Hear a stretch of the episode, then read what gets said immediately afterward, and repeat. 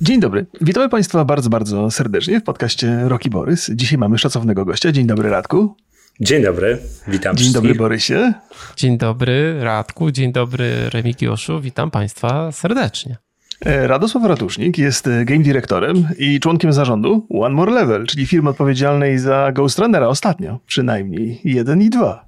I witamy bardzo serdecznie po raz kolejny. Musiałem, musiałem e, zawsze jak witam gościa najpierw, to potem zapominam o Borysie, więc dzisiaj jakoś to udało się w miarę sensownie przeprowadzić. Dzień dobry. Prawda, to prawda. Radku, co u Ciebie słychać? No, u mnie w porządku. Jesteśmy po wydaniu gry, także emocje powoli opadają. E, no i też jestem zadowolony, bo również wbiłem platynę w Spider-Manie, podobnie jak ty, Borys. Tak, Także, także nie, nie najgorzej się bawiłem, muszę przyznać, więc e, no. Jestem, jestem ogólnie, ogólnie rzeczy się dzieją pozytywne. Tak, tak ja na to patrzę. No to dobrze. Zastanawiam się, czy może od razu e, w pierwszej kolejności, zanim o Tobie będziemy rozmawiać i, o, i o w ogóle o game devie, to czy od razu, jako że jesteśmy przy premierze e, Ghost Runnera dwójki, to czy może o tym najpierw nie, e, nie porozmawiajmy? Remigiuszu, co ty o tym sądzisz? Ja oczywiście, w zasadzie mi to wszystko obojętne, bo na pewno każdy z tych tematów poruszymy, który wskazałeś.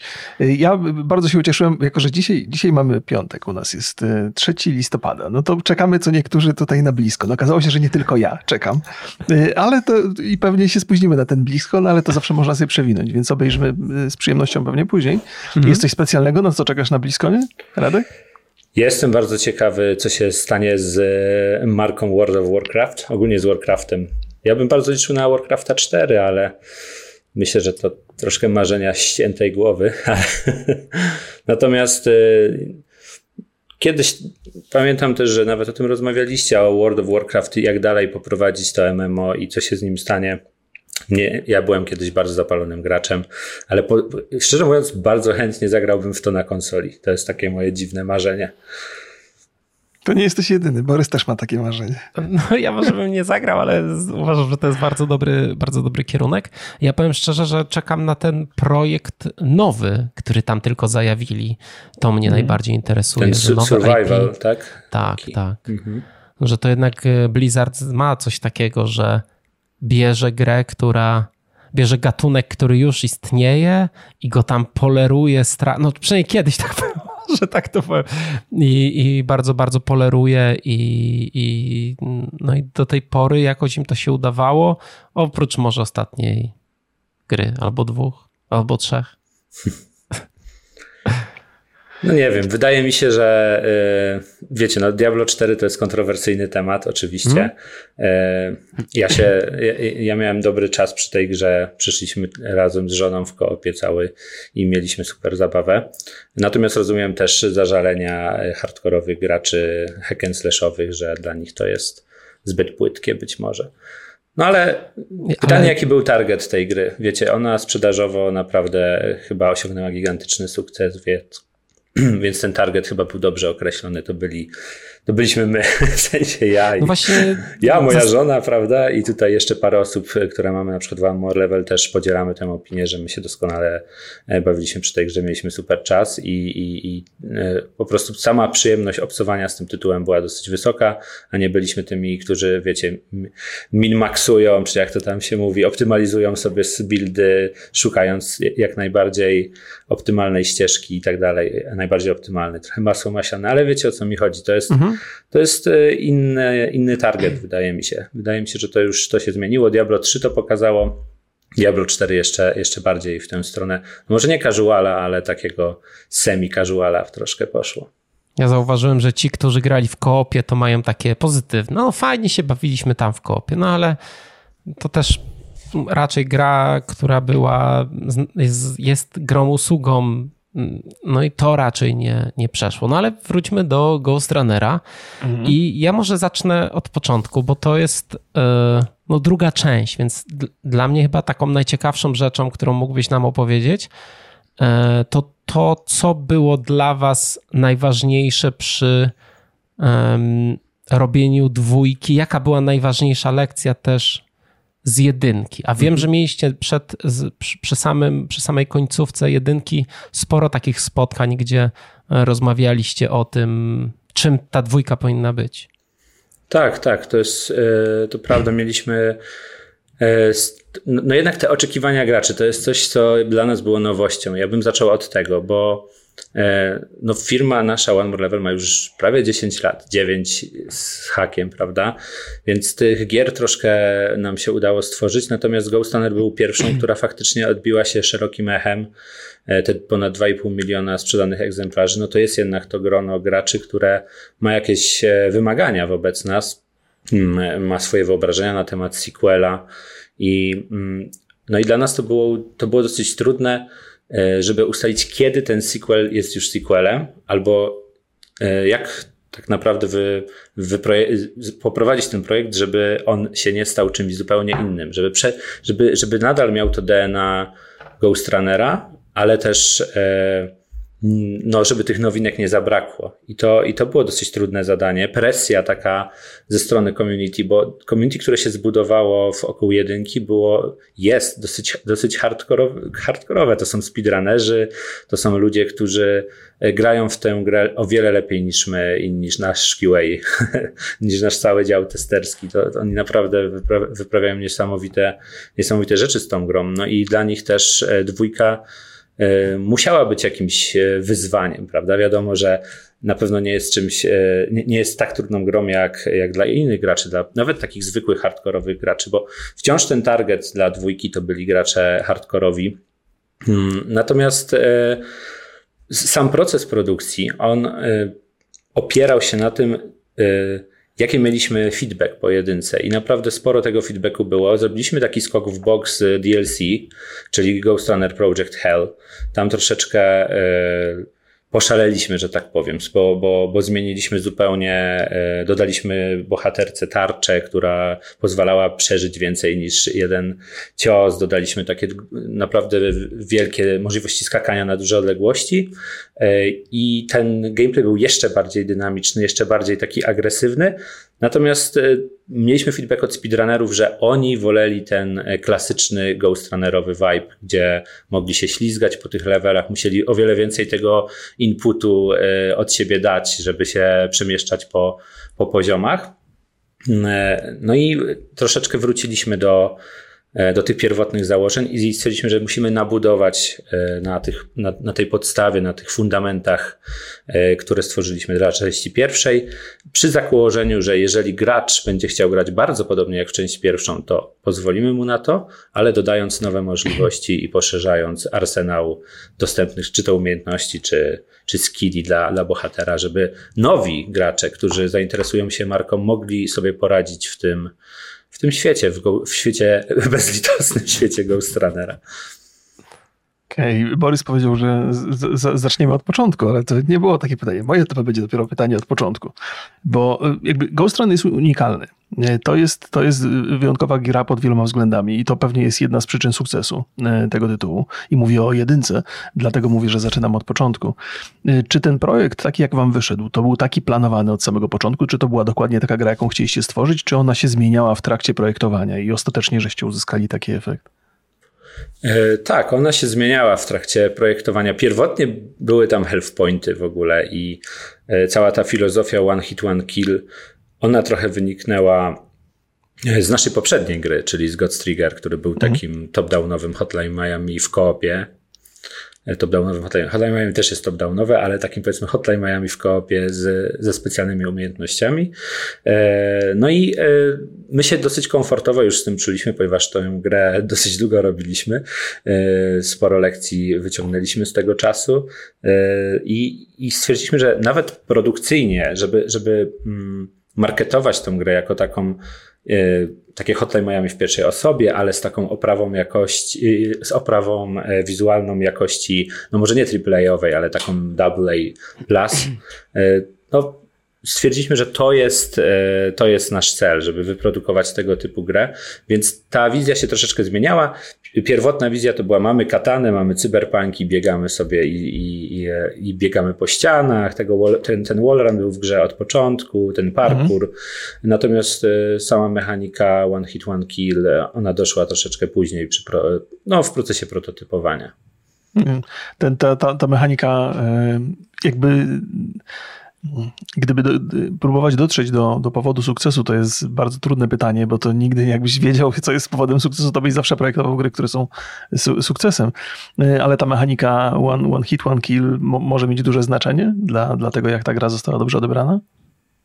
Wydaje mi się, że na pewno ma duże znaczenie, bo mm, no, tak jak e, wspominałeś, no jest to coś e, unikalnego. Nie ma wiele takich gier, zwłaszcza z takim powiedzmy, z taką jakością oprawy graficznej, czy w ogóle takiej jakby świat gry, to wszystko jest dosyć bogate u nas w grze, mimo że ta mechanika, ona na pierwszy rzut oka wydaje się bardzo prosta, prawda, no bo nie mamy jakichś e, tysięcy statystyk, nie mamy bardzo skomplikowanego AI w tej grze, natomiast e, wejście w taki, w takie flow, w taki mm, no, no niesamowitą przyjemność w tej grze sprawia pokonywanie E, jakieś przeciwności, które są rzucane dla gracza. To y, każda arena to jest kolejny challenge i ten progres, nawet jeżeli ty mhm. za pierwszym, za piątym, za dziesiątym razem nie przejdziesz tej areny, to zawsze w którymś momencie poczujesz, że osiągasz jakiś progres, bo zabijesz, nie wiem, trzech przeciwników, a nie jednego, dojdziesz gdzieś, spróbujesz czegoś innego, y, odkryjesz jakiś, e, jakąś nową, nowy sposób. To są takie troszeczkę puzzle, ale bardzo, bardzo szybkie. To, te procesy myślowe muszą e, zachodzić bardzo szybko. No i też jeśli chodzi o input gracza, czyli kontrolę, e, to tutaj jest też wymagana nie lada wprawa, prawda, w obsłudze kontrolera. Cieszę się, że to ty powiedziałeś, że to jest bardzo, bardzo szybkie. Moje pytanie następne, które miało się wydarzyć dziś zupełnie później jest, kiedy zrobić jakąś grę dla emerytowanych graczy?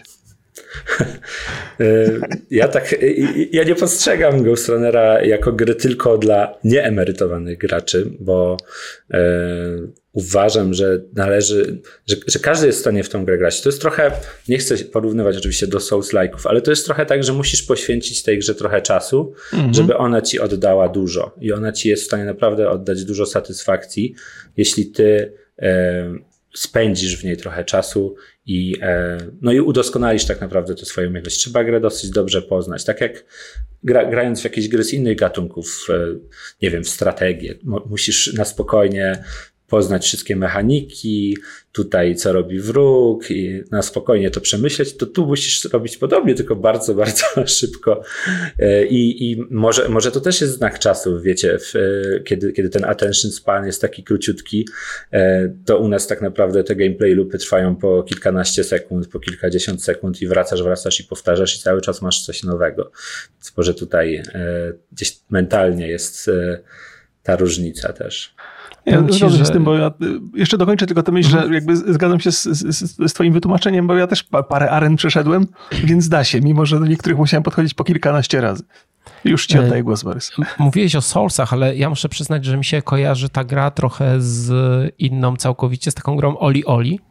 Mhm. E, I to też jest gra, która ma bardzo szybkie mapy, ale tą cechą wspólną jest ten instant replay, że ty umierasz i od razu zaczynasz znowu. I to tak, w Ghost tak. Runnerze też jest bardzo istotne, że tam sekunda dłużej i ten poziom irytacja byłby e, irytacji, poziom irytacji gracza byłby dużo, e, dużo większy, ale ja chciałbym, żebyś ty w kontekście tego, e, tego, jak robiliście tą grę, opowiedział mi o czymś takim, co się nazywa sprawiedliwy gameplay.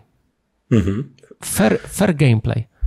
Jasne. E, w sensie, jak my na to patrzymy, czy, czy, czy my się stosujemy do tej reguły? No, opowiedz, bo mhm. ja pamiętam, że, tym, że w jakimś wywiadzie o tym opowiadałeś, że to tak. jest bardzo ważne i to przy, na pewno przy jedynce było to, była to ważna rzecz przy projektowaniu tej gry.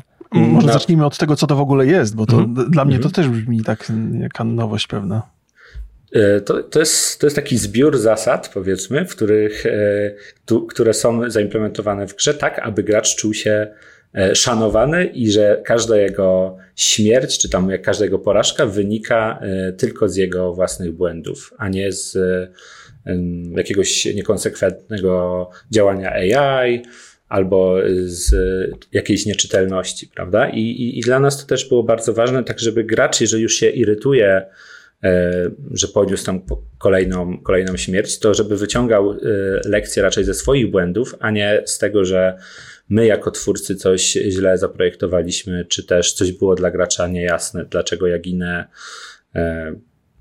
To, takie podejście. Wiadomo, że to jest trudne i ciężko, ciężko to.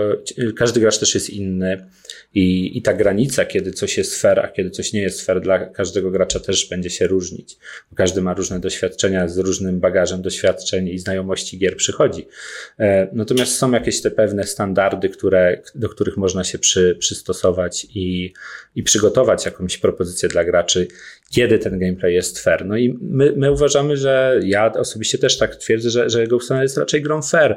Wiadomo, że jeżeli nagle spadną ci klatki do tam kilkunastu i, i, coś tam się wydarzy, no to, no to, to, jest, to, to jest już problem, który, który, y, który jest ciężki do, do wytłumaczenia. U nas, u nas raczej z tą optymalizacją jest całkiem ok, ale, ale yy, poza tym wydaje mi się, że jeśli chodzi o same mechanizmy, systemy, które mamy w grze, one traktują gracza sprawiedliwie i to jest, to jest takie nasze podejście. Yy, bo to, bo teraz można się zastanowić, czy grając w jakieś Soulsy mamy te, ma, podchodzimy do jakiejś skrzyni i wybiega na nas, e, na nasze plecy m, przeciwnik, prawda, i zadaje nam jakiś krytyczny cios, albo spycha nas w przepaść. Ja nawet miałem taki wykład na ten temat, czy to jest fair. I ja uważam, że to jest fair, bo grając w Soulsy, ty się tego powinieneś już spodziewać.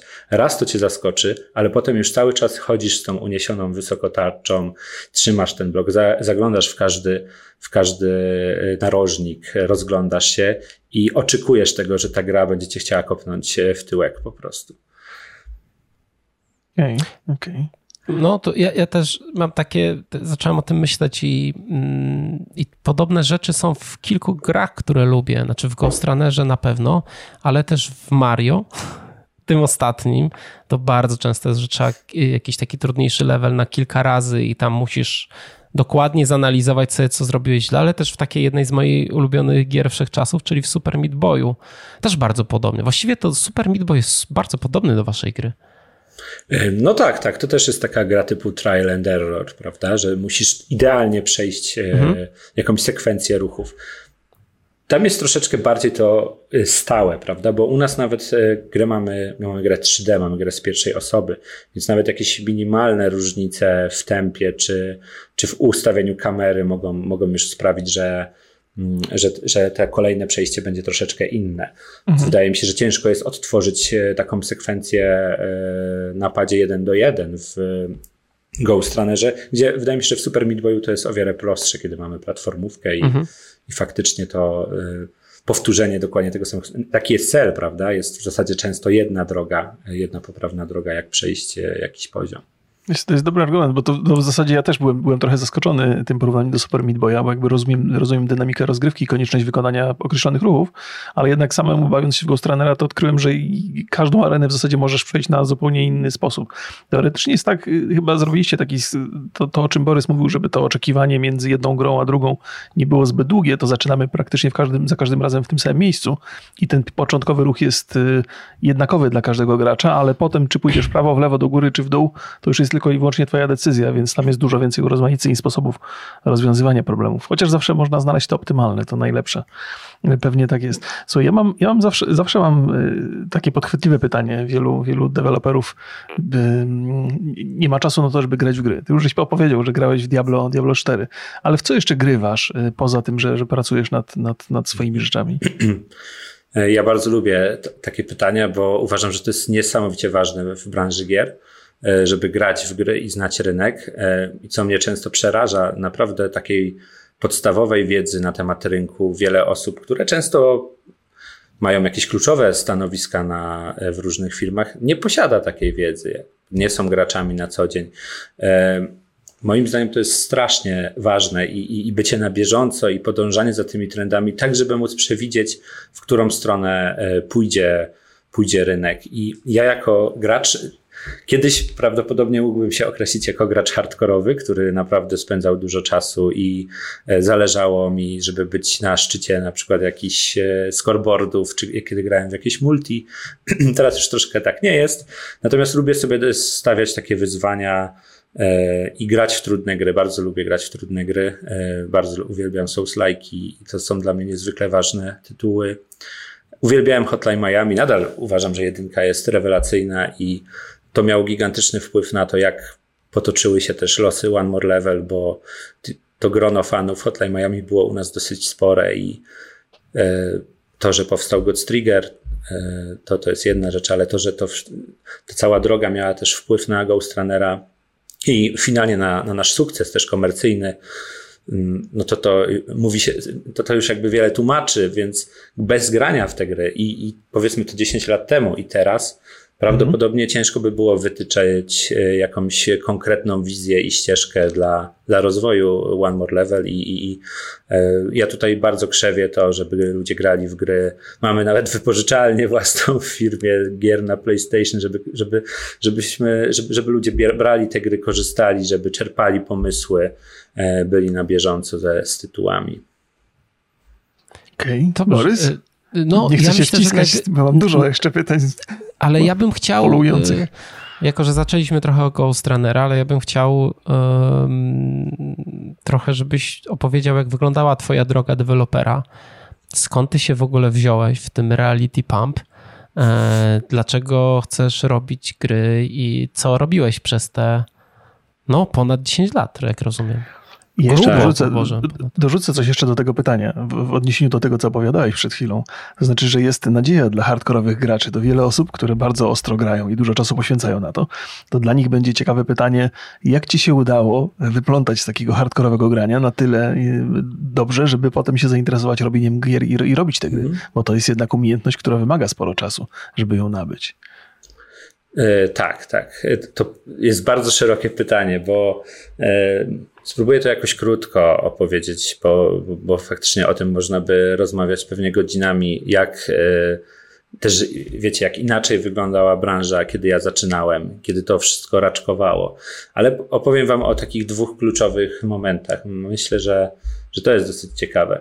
Bo oczywiście ja jako dziecko już byłem fanem gier. To tak jak pewnie większość tutaj e, ludzi, którzy pracują w branży, już ten cel, e, że fajnie by było kiedyś móc robić gry, no to, no to w zasadzie już od dziecka e, o tym sobie myślałem poprzez też później moją edukację, czyli studia e, informatyka. I tutaj się pojawia ciekawy moment, kiedy chyba byłem na drugim roku studiów tu w Krakowie i pojawiło się coś takiego, towarzyszyło e, studenckiemu festiwalowi informatycznemu jeden taki króciutki e, wykład na temat gier miał się pojawić, co było dla mnie szokiem, że jak to?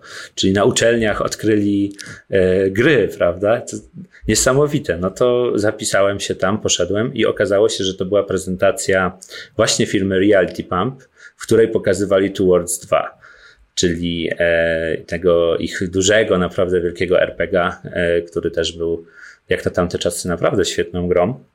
I poznałem wtedy dwie ciekawe osoby, czyli Huberta Kubita, który też no, pracował później w CD Projekcie w Techlandzie, ale też pracował z nami w One More Level i Michała Drobota, który Call jest szefem Infinity Ward tutaj krakowskiego i też się znamy już sporo czasu. No w zasadzie wtedy się poznaliśmy. I oni dosłownie mieli taką prezentację, w której no pokazywać, no tu jest nasza gra, tutaj o, zobaczcie, tu się można teleportować, a na końcu było, a jak chcecie, to robimy takie beta testy e, za pizzę, nie? I, i, I zapraszamy studenci, może chcecie się zgłosić, no to ja mówię, jejku, niesamowita sprawa, zgłaszam się. No i zgłosiłem się i później no nic nie przychodziło, ani żadne maile. Ja już tam się próbowałem dobijać i, i nastał czas juwenaliów i okazało się, że Michał Drobot jest jeszcze studentem. On mimo, że był też jest trochę starszy ode mnie, ale e, on był chyba studentem czwartego czy piątego roku wtedy. Spotkaliśmy się na koncercie juwenaliowym i ja w ogóle mówię do niego, cześć Michał, co z tymi testami? A on, jak to? Czemu ty nie pamiętasz w ogóle o co chodzi? A ja mówię, no, no stary, no czekam na te testy. E, no i okazało się, że będą w wakacje. No i trafiłem do Reality Pump wakacje e, miałem przyjemność brać udział w beta testach. E, no i myślę, że w miarę tam się sprawdziłem, bo później, rok później powstawał e, dodatek do tych Towardsów. I co ciekawe, e, wtedy szukali kogoś, kto będzie prowadził takie beta testy za nich, prawda? No i ja się wtedy zgłosiłem na takie praktyki, od razu odbębniłem praktyki studenckie na swojej uczelni i razem z Filipem Szelongiem siedzieliśmy i prowadziliśmy te Filip, który też u was w podcaście był, prawda? E, wtedy też się poznałem z Filipem. No i prowadziliśmy sobie te testy, była moja pierwsza styczność, też jakieś e, raportowanie bugów. E, no i potem już trafiłem do Bluebera i, i to już się potoczyło tak normalnie, że tak powiem, już normalna praca, bo, bo, bo w Reality Pump to jednak było takie dorywcze, ale, ale ta historia z Michałem Drobotem i, i z Hubertem to jest coś, co, co na długo zapamiętam, bo masa takich takiego przypadku. No wtedy tak naprawdę do branży było się bardzo ciężko wbić. To było w zasadzie. To jest 2011, mówimy tak. Tak, tak. No. Czyli już ile? 13 lat. Dwa, no, niedługo będzie 13. 13 lat. Hmm. Co ty studiowałeś? E, a ja studiowałem związane? informatykę. informatykę. O, blisko, Miałem być programistą, tak, tak, tak, ale, ale w pewnym momencie głównie przez moją pracę i fascynację właśnie czy projektowaniem poziomów, e, czy gameplayu. E, później doszedł ten jakiś management też. To trochę zboczyłem z tego toru i, i, i porzuciłem swoją karierę programisty.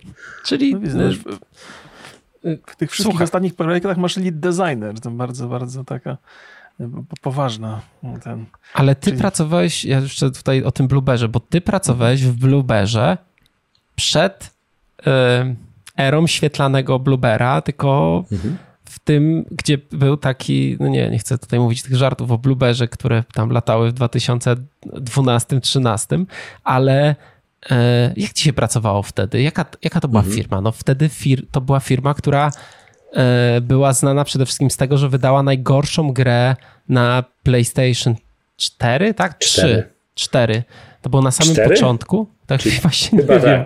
Chyba tak. Y, wiesz co, ja, nie, mnie już nie było wtedy y, w Blueberze, kiedy wydawali Basement Crawla. Y, natomiast ja super wspominam te czasy, bo to jeszcze były czasy, kiedy właśnie musiałem trochę dzielić czas z twoich studiów dziennych razem z pracą w Blueberze i niesamowite osoby tam poznałem. Naprawdę mnóstwo tych osób teraz osiągnęło niesamowite rzeczy w game devie i zresztą niektóre osoby pracują u mnie tu, u nas w One More Level. Mamy lead level designera, który dosłownie mnie tam rekrutował, on jest teraz u nas. Mamy e, lead animatorkę, która też tam wtedy pracowała, więc e, mnóstwo ciekawych znajomości. I jednak był, był to taki klimat takiego studenckiego robienia gier wtedy. Średnia wieku to pewnie było, nie wiem, 23, 4, 5 może. Biuro to było mieszkanie e, wynajęte pod to biuro i tak dosłownie się wchodziło otwierało się drzwi od mieszkań. Były dwa mieszkania połączone e, w bloku i po prostu tam było to biuro. Ale, ale naprawdę mam masę pozytywnych wspomnień z tamtego czasu. Nauczyłem się bardzo wiele I, i my pracowaliśmy nad taką grą Amen i Amen 2.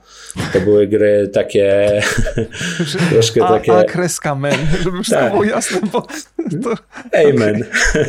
Nie Amen, y, że w kościele, tylko Amen. to jest istotna uwaga. Wiecie, to było dosyć ważne, bo to był tytuł, który debiutował na PlayStation Vita e, i to był tytuł lunchowy na PlayStation Vita. Tam naprawdę w pocie czoła pracowaliśmy. Byliśmy jedną, chyba jedyną firmą w Polsce, która robiła wtedy gry na PlayStation Vita mieliśmy nawet prototypy takie, które nigdy się nie ukazały, nie, nie ujrzały światła dziennego. Nie wiem, czy nawet były publikowane, więc pewnie nie mogę opowiadać o nich, ale, ale ym, naprawdę to samo dla mnie jako gracza wtedy też, prawda? I jako początkującego twórcę gier, możliwość obcowania ze sprzętem Sony, który jest totalnie pod jakimś NDA, to była wielka rzecz. I, i mieliśmy i Wii, bo tam były też na Nintendo robione gry, e, więc y, dosyć szeroko Bluebird działał, mimo że te gry nie były jakiejś y, wybitnej jakości. Amen to, to była raczej przeciętna gra, prawda? Takie 5 na 10 myślę. No tak e... wygląda. ale, ale naprawdę e, no my się uczyliśmy jak, jak, jak robić te gry i samo obcowanie z nowym sprzętem był własny silnik wtedy, który naprawdę świetni, świetni ludzie pracowali nad tym, którzy teraz mają wybitne osiągnięcia i naprawdę są w największych firmach na świecie też niektórzy e, wyjechali. Część wyjechała, część siedzi w Polsce, a część została w Blueberze. Wiem, że ten core, te parę osób, które wtedy poznałem, cały czas są w Blueberze i teraz stanowią jego główną siłę. Także, także super czasy, naprawdę można by długo opowiadać. E, I, i, I to, że te gry nie były jakieś super jakościowe, no naprawdę wtedy nie było osób e, zbyt wielu, które potrafiły dobrze robić gry w Polsce w tamtych czasach. A ja tylko, ja tylko przypomnę dla Państwa, e, z, wtedy robić gry na konsolę to nie było takie łatwe i dostępne. Znaczy teraz każdy może tak naprawdę sobie robić, nie ma, nie ma problemu. Wtedy to nawet, ja wiem, że pamiętam, że Miąsik kiedyś miał takie marzenie, żeby zrobić grę na PlayStation. To jest to osiągnięcie życiowe, że tak, no bo to rzeczywiście było bardzo, e, bardzo trudne i też bardzo, bardzo drogie. Y, to prawda, była selekcja e, deweloperów, trzeba było już coś sobą prezentować, e, żeby w ogóle. To tak trochę jak teraz, prawda, z wydawcami takimi, do których się przychodzi, wydajcie mi proszę grę. E, to wtedy dosłownie, żeby w ogóle pokazać swój produkt na platformie, to naprawdę było trudne. Nie mówiąc już o koszcie devkitów gigantyczne pieniądze na tamten czas, e, żeby, żeby no teraz to tak naprawdę jest niewiele większy koszt niż takiej retailowej konsoli, prawda? Tak, Więc... to jest takie, to jest dla mnie to są takie rzeczy, że czasami mi się tak, kurde, ale ten świat się zmienił, tak samo jak e, silnik Unreal Engine chyba, nie wiem, dwójka czy trójka, to jakieś ogromne koszty były tam, te, na płytkach ci to przesyłali i tam zgubić jedną płytę, to po prostu jesteś w plecy, jakieś pieniądze straszne. Więc to takie straszne czasy, ale jak już mówimy o starych czasach, może nie strasznych, to ja e, muszę cię podpytać o grę, przy której, no może nie byłem przy, ale e, jak ja jak, m, zaczynałem interesować się game devem, to trochę ona po pewnym czasie wyszła, ty się zajmowałeś, wyda byłeś wydawcą, tak? I ogarniałeś Kickstartera. tak. I ja tutaj mówię o, o grze Warlock vs. Shadows i to był Duszana mhm. i Maksymiliana. Właściwie w dwójkę chyba to robili tą grę. I Wojtek Wil, który jest teraz art dyrektorem u nas. E, faktycznie Wojt... oni, oni w trójkę to robili, plus mieli muzyka. Niesamowicie zdolne chłopaki i, i to było tak, że nam, my mieliśmy jak, jakieś pieniądze, które mogliśmy przeznaczyć na jakąś inwestycję wtedy i e, no, były jakieś ambitne plany, oczywiście, bo, bo jak tylko. E, wtedy był taki boom też e, właśnie na takich małych wydawców, gdzieś Devolver zaczynał rosnąć. No i chcieliśmy spróbować tego, bo mieliśmy tam swoją ścieżkę deweloperską, ale że tutaj produkt był w zasadzie gotowy, to dogadaliśmy się z chłopakami i no i ja, i to był naprawdę sukces spory, te, te Warlocksy, bo y, one, one nie były jakąś super drogą grą w wyprodukowaniu, ale jeśli chodzi o samą sprzedaż na Steamie, to, to tam było całkiem nieźle i e... Nieźle, pamiętasz może jak to było? Bo czasami jest tak, że jak Oj, na tamte... Nie, pamiętam, ja, ja pamiętam tylko jak to, to, to, No to chyba nie było, to było dziesiątki tysięcy, nie było chyba setki, ale, jak, ale to już naprawdę pozwalało na ja e... pamiętam taką historię, jak Tomek Tomaszewski mówił o e, mouse, Mousecrafcie. Mhm. I on powiedział, no sprzedaliśmy tam 36 tysięcy, tak. upadłość fatalnie, a teraz to już no. ludzie przy tak małych projektach na kilka osób, panie, 30 tysięcy, ogromny sukces, nie? Tak, tak, to prawda, właśnie, właśnie o to chodzi. To jest... E to jest ta różnica tego, tej skali projektu, prawda? E, co ciekawe, e, e, ciekawostką jest taką, że na Angry Joe robił materiał o tej grze. Było jakoś tak to się złożyło, że współpracowaliśmy wtedy PR-owo i Angry Joe robił materiał o Warlocks vs. Shadows, o grze robionej przez pięć osób w Polsce i, i no, no fajnie. W sensie, w sensie no, no chłopaki też teraz sobie nieźle radzą, też mają e, swoją firmę i Duszan z Maxem. E, o, e, Wojtek widziałem, nas... się z nimi, widziałem się z tak, na tak, także, także, także to, są, to są fajne czasy też dla nas. To był taki eksperyment trochę i uważam, że się udało, że jakiś, jakiś, jakiś sukces ta gra osiągnęła. No nie jakiś taki, żeby nam odmienić no tak. życie, natomiast na tyle, żeby przynajmniej o nas ktoś, kto trzeba usłyszał. O. Słuchaj, skoro, skoro jesteśmy już przy tym, skoro jesteśmy przy Warlocks vs. Shadows, to jest chyba jedna z pierwszych gier przez One More Level wydana, pra? prawda? Tak, tak, tak. Bo One More Level ma taką historię, że połączyło się z dwóch małych krakowskich firm, czyli Nimbi okay. Studios, które robiło e, gry mobilne i Tapit Games, które robiło hopy dla Artifexów, e, czyli Hidden Object Puzzle Games. E. No, to jest jeden z moich ulubionych. To jest, to, to... No, Artifexy są nie, niewiarygodnie zasłużone dla polskiego game devu. Tak, Ile tam... Tak z tego wyszło ludzi i firm, to to, to jest prawda. I, I my w Nimbi Studios robiliśmy taką grę Deadlings o zombiakach, które biegają, Pamiętam, rozbijają się na ścianach. No i to była taka gra logiczno-zręcznościowa, powiedzmy. Tam się dosłownie jednym przyciskiem, bo to było na mobilkie. Później e, e, nawet w CD Action było, to też jest ciekawa historia, bo chcieliśmy zareklamować Warlocksy e, w CD Action, no a że nie mieliśmy za bardzo już pieniędzy na, na marketing, to zaproponowaliśmy im Deadlinksy e, na, na płytę. No i taki deal chyba poszedł wtedy. No i to jest dosyć też ciekawa historia, że, że, że no jakoś tam kreatywnie zarządzaliśmy tym, co, co, co mieliśmy w tamtych czasach, te, te, te 10 lat temu niemalże. E, no ale tak, to, to Warlocksy to był nasz taki pierwszy projekt jako wydawca i ostatni, a, a Deadlinksy no to był taki nasz autorski, który przyszedł z e, połączenia tych film. My też robiliśmy hopę dla Artifexu na początku, One More Level, e, Crimson Lily, jakoś tak się nazywała.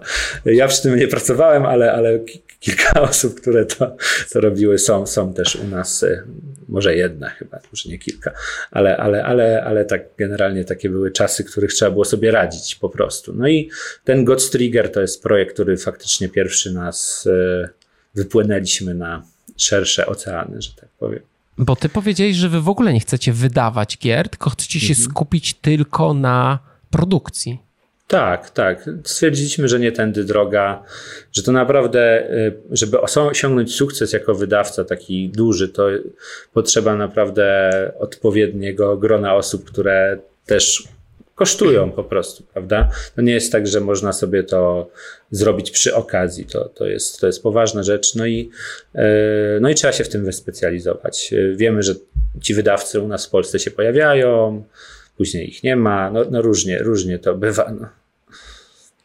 Powiedz mi, bo e, jakby ty, ty byłeś częścią Nimbi Studio, tam już byłeś game designerem, prawda? I, i potem z, z, z, tego powstało One More Level. E, od razu zostałeś tam tym lead designerem, prawda? Od samego początku. Mm, czy członkiem zarządu też byłeś od początku, czy to się wydarzyło gdzieś po drodze?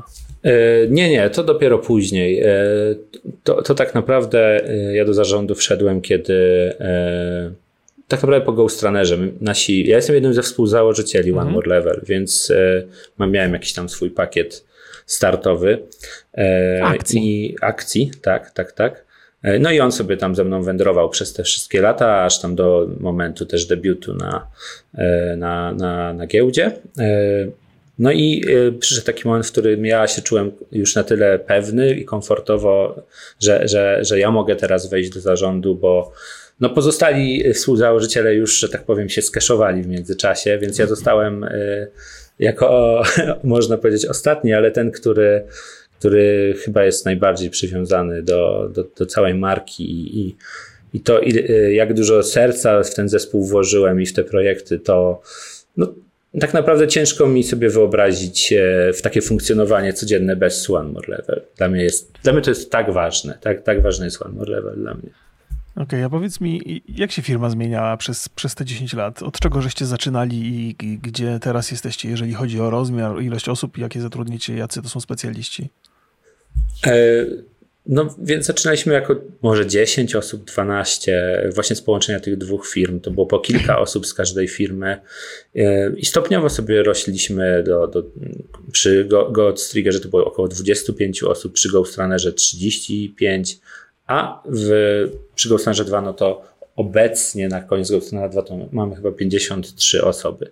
I to już jest taka to, dużo. to już jest taka siła, że ja na przykład widzę jak teraz robimy kolejny projekt, jak szybko rzeczy powstają, jak naprawdę e, ten zespół, który też się ukształtował przy robieniu dwójki, to mówię o tym powiększeniu zespołu, e, jak już obyli się ze sobą. Wiecie, to też jest tak, że ten zespół się z nienacka nie, nie zacznie działać. On, on, musi, on musi coś stworzyć razem, musi, musi, muszą się ludzie dotrzeć. Te procesy muszą zacząć e, działać i e, no i przy takim, takiej liczbie osób, czyli ponad 50, to faktycznie te procesy muszą już być sensownie poukładane. E, I z takiej studenckiej firmy trochę, gdzie tam spanie, wiecie, na crunchu pod stołami, no to trzeba było już e, no, uporządkować trochę tę, tę naszą pracę. Okej. Okay. Borys? E, no dobrze, ja bym, ja bym chciał iść dalej twoją historię. Chciałbym, żebyś powiedział nam e, o Guts Trigger. Skąd się to wzięło? Dlaczego waszym wydawcą był Techland i dlaczego to jest, była zła decyzja? E... nie no, żartuję oczywiście. Nie no, czy, znaczy, czy zła, czy nie, jest taka, że po tym jak was wydali, to się zwinęli jako wydawnictwo. E, no, to jest chyba prawda, że byliśmy ich ostatnim projektem. E, natomiast wiecie, jak sobie wpiszecie Godstrigera na OpenCritic, to tam jest 80% e, średnia, więc to naprawdę była spoko gra. I Borys chyba nie sugerował, że gra była słaba. Nie, nie, nie. Ja, ja wiem, wiem, ale, ale wiecie, bo to, to nie, nie jest takie oczywiste też, prawda? Troszkę czasu nam ta, nam ta produkcja zajęła.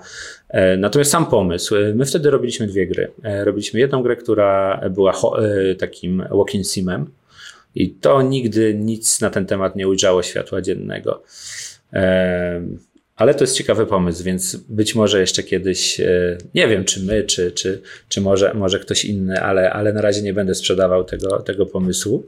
Ale naprawdę e, nie ma takiej, nie było takiej gry i do tej pory nikt takiej nie zrobił. Natomiast drugi projekt to był, zróbmy Hotline Miami, tylko że tam masz bullet time i w ogóle mm jest takie e, dopakowany. Jeszcze w 3D zrobimy. No i taki był pierwszy, pierwszy, pierwszy pomysł. Później się pojawiła konkurencja w postaci Hong Kong Massacre, która gdzieś tam miała to dosyć ładnie zrobione, ten, e, ten top-down. E, I e, no, no musieliśmy poszukać czegoś, jakiegoś wyróżnika, więc przyszedł ten koop jako pomysł, jak rozwijać Godstrigera. I... Tak? Ja, ja was słyszę. Dobrze, wszystko ok. Straciłem was zupełnie. A, to my straciliśmy Remigiusza. Już, już jestem. Coś się, coś się zacięło. Przepraszam. Dobrze. Przepraszam. Obraz, obraz był, ale dźwięk chyba ucięło. Ja słyszę was. Y, tak, Dobrze. Tak, ja, ja też Dobrze. Też, to kontynuuję o Godstriggerze i o tym koopie. Y, I tak naprawdę ten koop był takim wyróżnikiem. Gra y, przez te lata ona się strasznie napchała featureami. Ona była tak nawet porównując do Ghost Runnera, to, to w ogóle nie ma porównania. Gra, y, tam dosłownie system na systemie był. Tu jakieś slow-mo, tu jakieś oznaczanie przeciwników, tu jakiś rozwój postaci całkiem skomplikowany, koop. I tak naprawdę przez tą decyzję, że musieliśmy tą grę zrobić w koopie, to zrobiliśmy trochę jakby dwie gry, bo inny układ przeciwników, kiedy grasz samemu i możesz się przełączać między tymi dwoma postaciami, a zupełnie inne, y, inne zagadki, inny rozkład przeciwników, kiedy y, kiedy gramy w koopie, więc, więc naprawdę mnóstwo czasu, mnóstwo sił poświęciliśmy na ten projekt. On nie był jakimś komercyjnym sukcesem, raczej, e, raczej wręcz odwrotnie. Natomiast dla nas jako zespołu był e, jakościowy, był, dostał całkiem niezłe oceny i my jako zespół się wy, wykuliśmy. Jakby. To, to jest dla mnie taka największa wartość, jaką wynieśliśmy z tamtego czasu, że my jako zespół jesteśmy w stanie robić dobre gry. E, dajcie nam kolejny challenge, nie? na tej zasadzie. IGN dał ósemkę, a ty mi dałeś koszulkę na PGA wtedy, bo nie, nie wziąłem ze sobą rzeczy. Pamiętam, że mnie poratowałeś i dla nas Guts Trigger też jest ważną grą podcastową, bo w pierwszym odcinku siedzę właśnie w koszulce Guts Trigger. A? Piękna historia. Piękna, Piękna historia, ale jak już kończymy tutaj, nic nie wspomniałeś o, o, o, o Techlandzie y, i mhm. o tym, jak było, no ale powiedzmy sobie szczerze, 397 ocen na, na Steamie no świadczy o tym, że nie był to sukces komercyjny. Techland też się wycofał z wydawnictwa po tym projekcie, a mnie dużo bardziej interesują dwie rzeczy. Po pierwsze, jak wygląda dalej studio po flopie finansowym i jak wygląda studio, które zmienia silnik z Unity na Unreal'a 4. E, no tak, tak. To, to, to, są dos, to są dobre pytania, bo to nie było takie proste oczywiście. E, my mieliśmy o tyle dobrą sytuację, że e, już pod koniec Godstrigera mieliśmy zapewnione finansowanie na kolejny projekt od All In Games wtedy, prawda? Oni zostali, oni tak, oni tak naprawdę uwierzyli w nas. Tam też wiadomo, że pewne osoby były i tu, i tu, więc, więc to troszkę było tak, że no ten kredyt zaufania mieliśmy pewnie większy dzięki temu.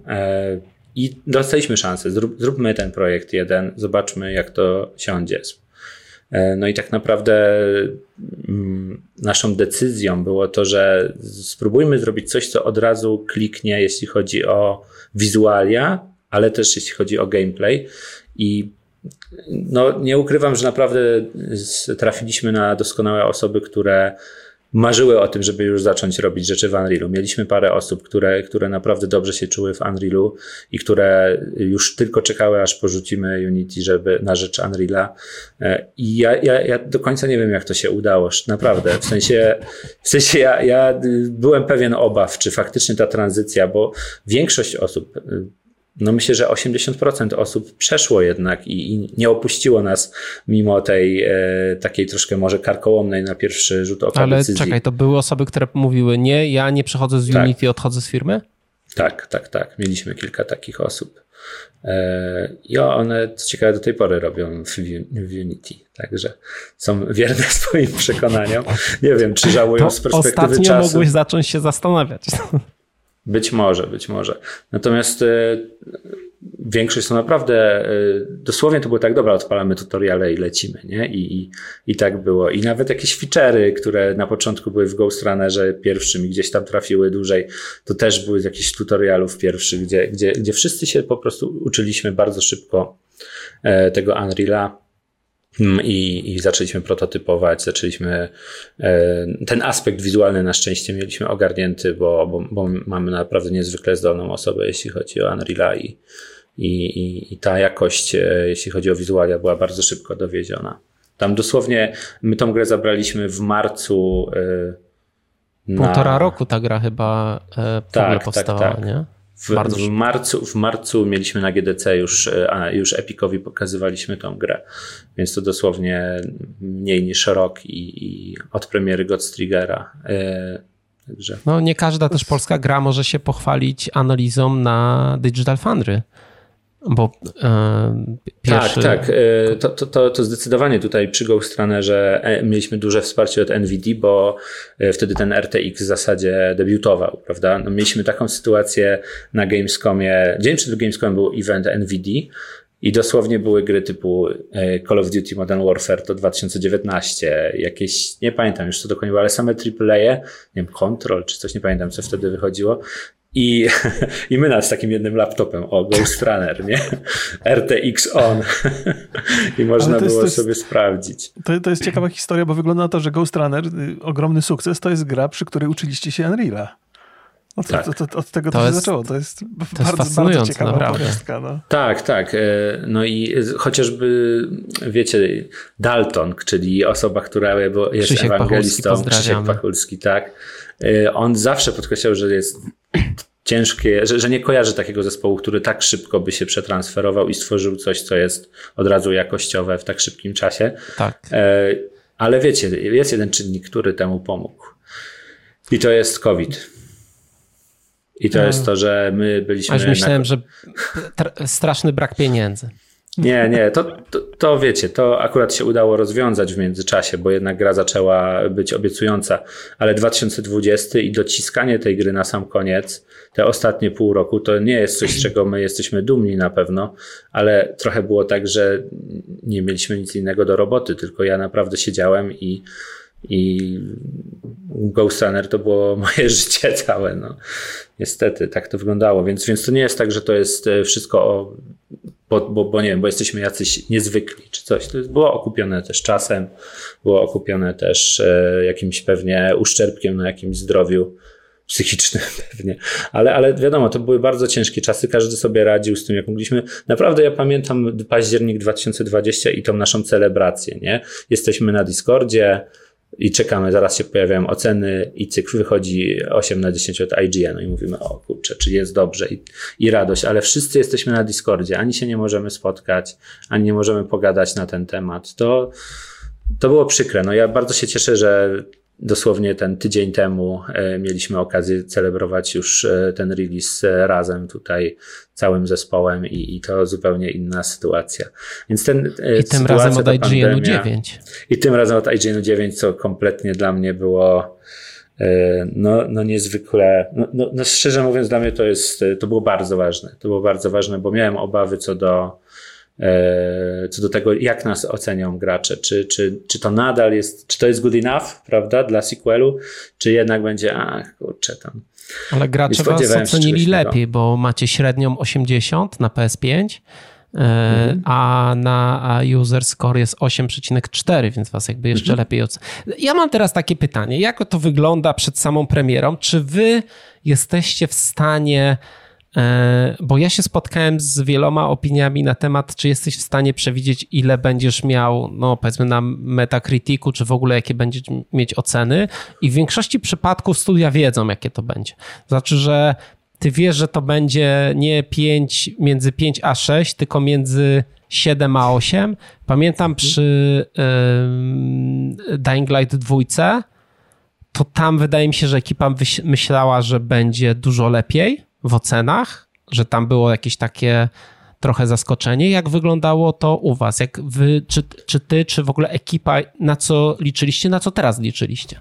Mhm. Więc e, to wygląda tak, że mm, oczywiście są robione takie mock-up reviewsy, prawda? To jest coś, co... Silent review, no. Tak. Silent reviewsy. E, coś, co ma przewidywać już na powiedzmy etapie alfy, czy nawet wcześniej, jaki może być ten metascore, taki prediction. E, natomiast to jest jeszcze zawsze długi, dużo, dużo pracy można włożyć, żeby to podnieść. I w naszym przypadku też tak było. E, my te predykcje mieliśmy niższe niż finalne wtedy. Jakie mieliście? I naprawdę e, nie wiem, czy mogę mówić, tak szczerze mówiąc, bo to Chyba nie mogę, ale, ale nie były, były trochę niższe, trochę niższe. Ale niż że to, cyferki to... nie możesz, no co ty? No, chyba nie, chyba nie. Ja tylko przypomnę tutaj, że Radek jest y, no tak naprawdę spółką giełdową i jeszcze ma wydawcę Srogiego. Teraz Zgadza się. dwóch, więc no bo e, cy, Cyber Slash e, tak, jest tak, tak. już Take-Two was wydawać będzie. Private Division, czyli spółka zależna Take-Two, zgadza się. E, ale, ale jeszcze wracając do tych ocen. E, no my to, w co wpadliśmy, czyli te 80, 81, te okolice, to jest coś, e, to był nasz cel, czyli chcieliśmy, żeby gra była e, równie dobrze oceniona jak jedynka. I, e, I taki był nasz cel, bo to znaczy, że nie zawiedliśmy tych oczekiwań. Także myślę, że tutaj, tutaj jest ok. Natomiast tak, naprawdę, jeśli chodzi o ostatnie miesiące tutaj produkcji, to kiedy ten polisz wjeżdża, nie? kiedy masz tą grę taką jeszcze nieoszlifowaną i tam czujesz, że nie no, tu trzeba czasu, tu trzeba miłości jeszcze tej grze poświęcić. No i te ostatnie miesiące, kiedy skupiasz się tylko na tym, to są świetne miesiące. Ja bardzo je lubię, mimo że to jest intensywna praca, ale wtedy bardzo szybko są takie często spektakularne efekty, że, że skupiasz się na jakimś featureze, skupiasz się na jakimś jednym levelu. Nagle, nagle te rzeczy się, cały zespół jest skupiony tylko na tym, że już nie dostarczasz nowego kontentu, nie robisz nowej zawartości, tylko skupiasz się na tym, żeby jak najlepiej, żeby wypolerować to, co masz e, już zrobione. I to jest bardzo ważne, żeby nie zapominać o tej fazie, no bo jak wiemy, różnie to bywa.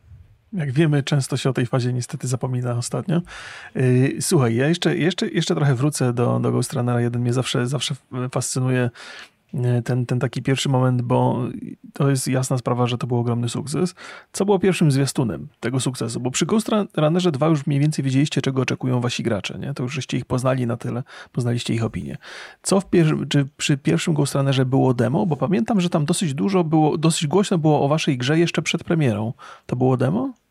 E, tak, tak, tak. E, o grze było dosyć głośno, bo e, były, były dema na tych festiwalach steamowych, bo jak pewnie pamiętacie w 2020 z racji tego, że nie odbywały się te eventy typu E3, Gamescom, mhm. no to Steam e, zaczął, rozpoczął te swoje festiwale z demami, żeby gracze mogli, nie musieli nigdzie jechać, tylko sobie zagrać w te dema w domu. I my byliśmy tam i na wiosennym, i na tym jesiennym, tuż przed premierą, były dwa różne dema i one naprawdę zrobiły nam gigantyczną różnicę. No to tam setki tysięcy osób na wishliście wtedy przybywały.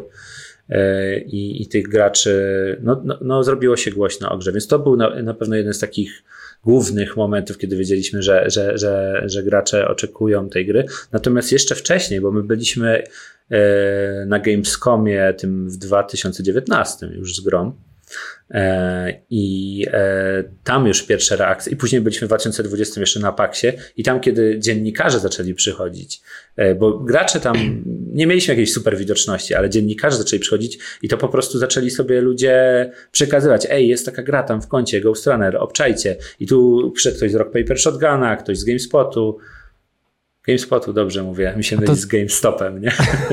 ale, ale, ale tak. I, I później na Paxie w tym Bostonie przysz, przyszła ekipa z IGN-u i to było takie, o kurczę, tu jest IGN, no dobra, to robi się poważnie. Oni przyszli zagrać w Ghost Runnera i nagle się zaczęły robić kolejki, e, no a potem był COVID i, i były te festiwale. No ale, ale w tym, e, ale te eventy, kiedy ty widzisz reakcję graczy, plus przychodzi do ciebie prasa, która nie miała zielonego pojęcia o tej grze, ale ten word of mouth, gdzieś przekazywanie sobie e, informacji, że Jeff Keighley tam zatweetował, o, Ghost Runner, wygląda fajnie.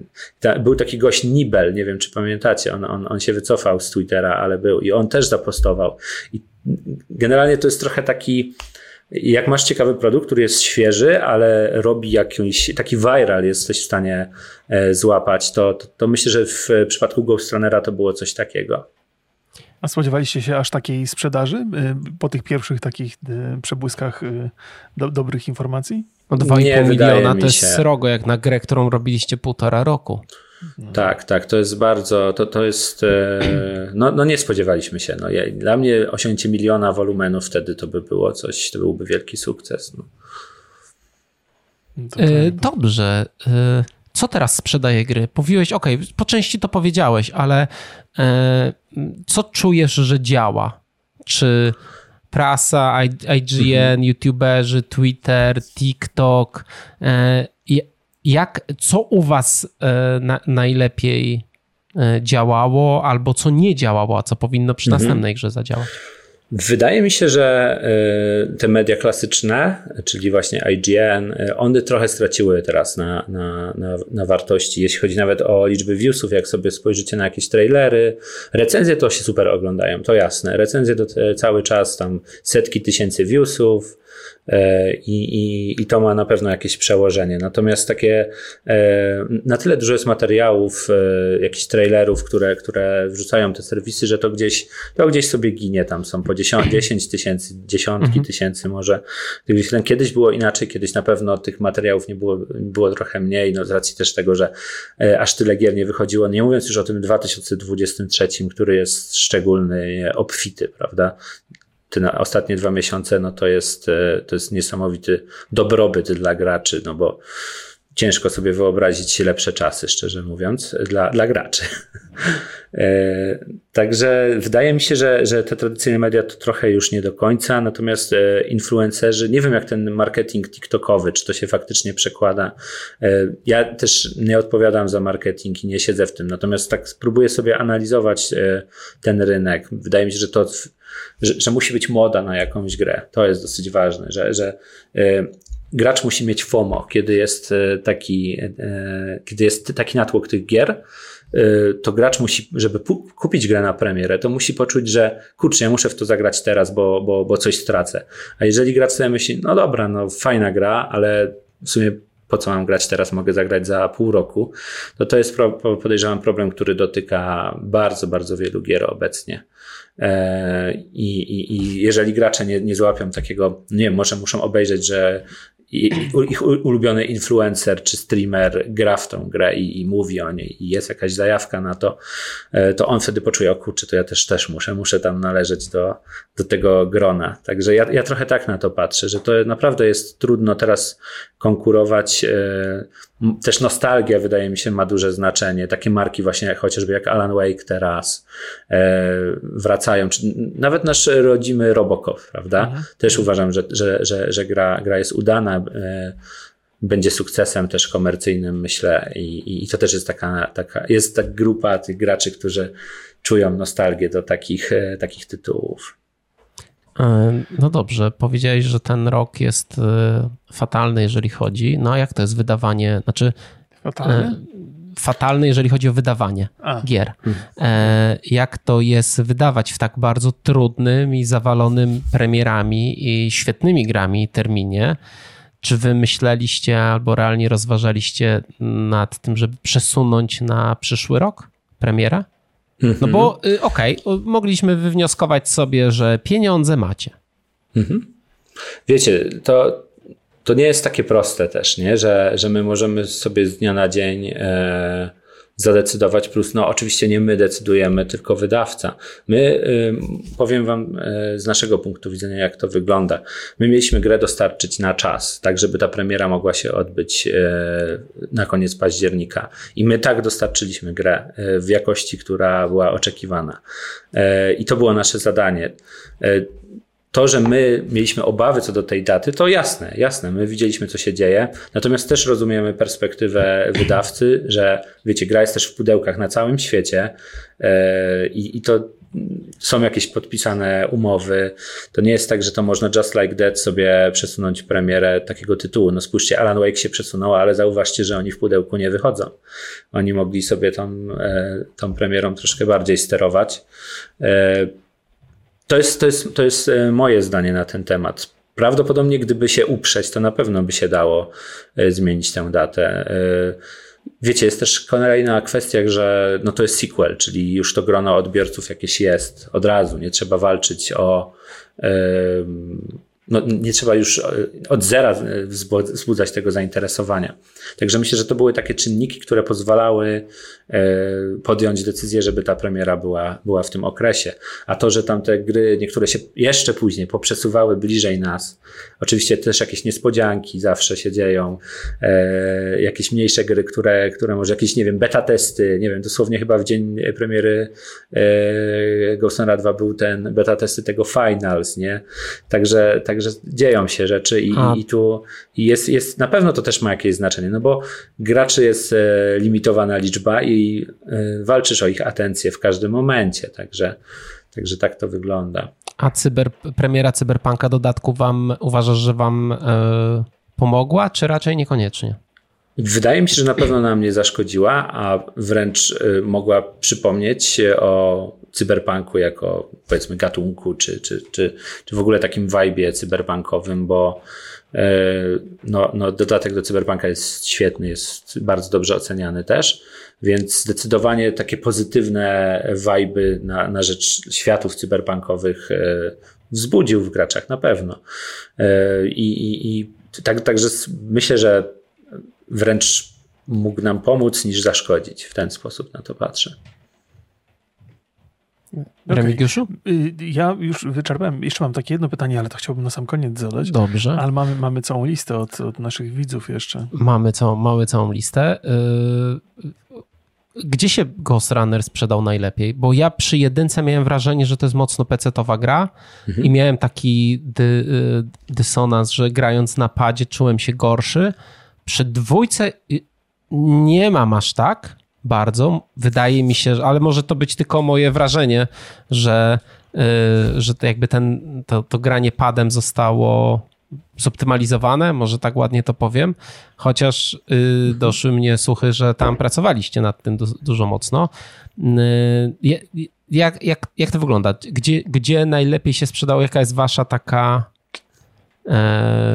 platforma? Mhm gdzie jest docelowa, to miejsce wasze tak? takie. Tak, znaczy może nie docelowa, no, no bo to wiadomo, że różnie, ale tam, gdzie, gdzie, gdzie wy czujecie się najlepiej. Tak, no to obecnie, no, no, mogę wam powiedzieć o jedynce, bo o dwójce jeszcze nie mamy danych takich szczegółowych, żeby wam powiedzieć, bo znowu tu przy dwójce był dosyć mocny marketing na, e, na konsolach też. E, więc, więc e, tam, no nie wiem, tam zobaczymy, jak to wygląda. Natomiast jeśli chodzi o jedynkę, to był Steam. To główną platformą był Steam e, i to w znacznej mierze. Więc jeśli chodzi o pada, to no sporo faktycznie myśleliśmy nad tym, bo dodając też coraz więcej też tych funkcjonalności typu ten blog, też trzeba to mhm. obłożenie na padzie dobrze przemyśleć. Mm, więc trochę zmian było. Na co oczywiście też niektórzy narzekają, bo by chcieli mieć po staremu, no, e, ale, ale też mamy różne presety i, i, i, też, też czytamy, co by tam gracze chcieli, żeby też e, ich obsłużyć, że tak powiem, w przyszłości e, jakimiś update'ami. Natomiast tak, jedynka to, to, to głównie PC był i regiony to Stany i, i Chiny. Chiny? Mhm. A z czego wiesz, jakby, z czego to wynika, że Chiny akurat? E, wydaje mi się, że też ze mm, może z charakteru gry, że ten cyberpunk tam tak trochę futurystycznie. to zaskakująca informacja, bo to... Wiecie, jeszcze, jeszcze było to, że w Azji też ta gra e, e, Wiedynka w ogóle miała pudełka na konsolę na początku tylko w Japonii i w Korei zdaje się e, I, i, to też ten azjatycki rynek, no, no 505 dosyć mocno działa na tych rynkach azjatyckich, także nasz wydawca, mhm. także może to też ta kwestia była. My też mieliśmy trochę taki dedykowany dedykowaną paczkę mieczy, tam, która była pod e, chiński Nowy Rok, z tego co pamiętam, takich skinów. Mhm. Więc e, tam gdzieś taki vibe, że, że, że te, te azjatyckie klimaty, e, no wiecie, no też te takie cyberpunkowe miasta się kojarzą z jakimiś azjatyckimi metropoliami, także That's my guess, czyli ja, okay. ja, ja, ja, tak myślę, że to może być to. Nie to mam to... jakichś twardych danych, bo, bo, no, no bo to nie ja jestem wydawcą, prawda? Natomiast e, tak jak sobie patrzyliśmy, to, to Stany numer jeden, a, a Chiny numer dwa. I to jeszcze jedno, jedną rzecz chciałbym zapytać, bo Chiny to, znaczy w ogóle to jest bardzo duży rynek, więc to też może coś tam wyjaśniać. Ale jak Polska w ogóle wygląda? Bo bardzo mhm. rzadko pytamy o to, jak wygląda polski rynek, jeżeli chodzi o proporcje tam tych sprzedaży, bo pewnie jakby polskie gry też z racji tego, że są polskie, się sprzedają pewnie lepiej, ale jestem ciekaw, jak to wygląda w odniesieniu do, do, do pozostałych rynków. Ważne pytanie. E, Czy no. polska lokalizacja w ogóle się opłaciła? E, no to już mówię po kolei.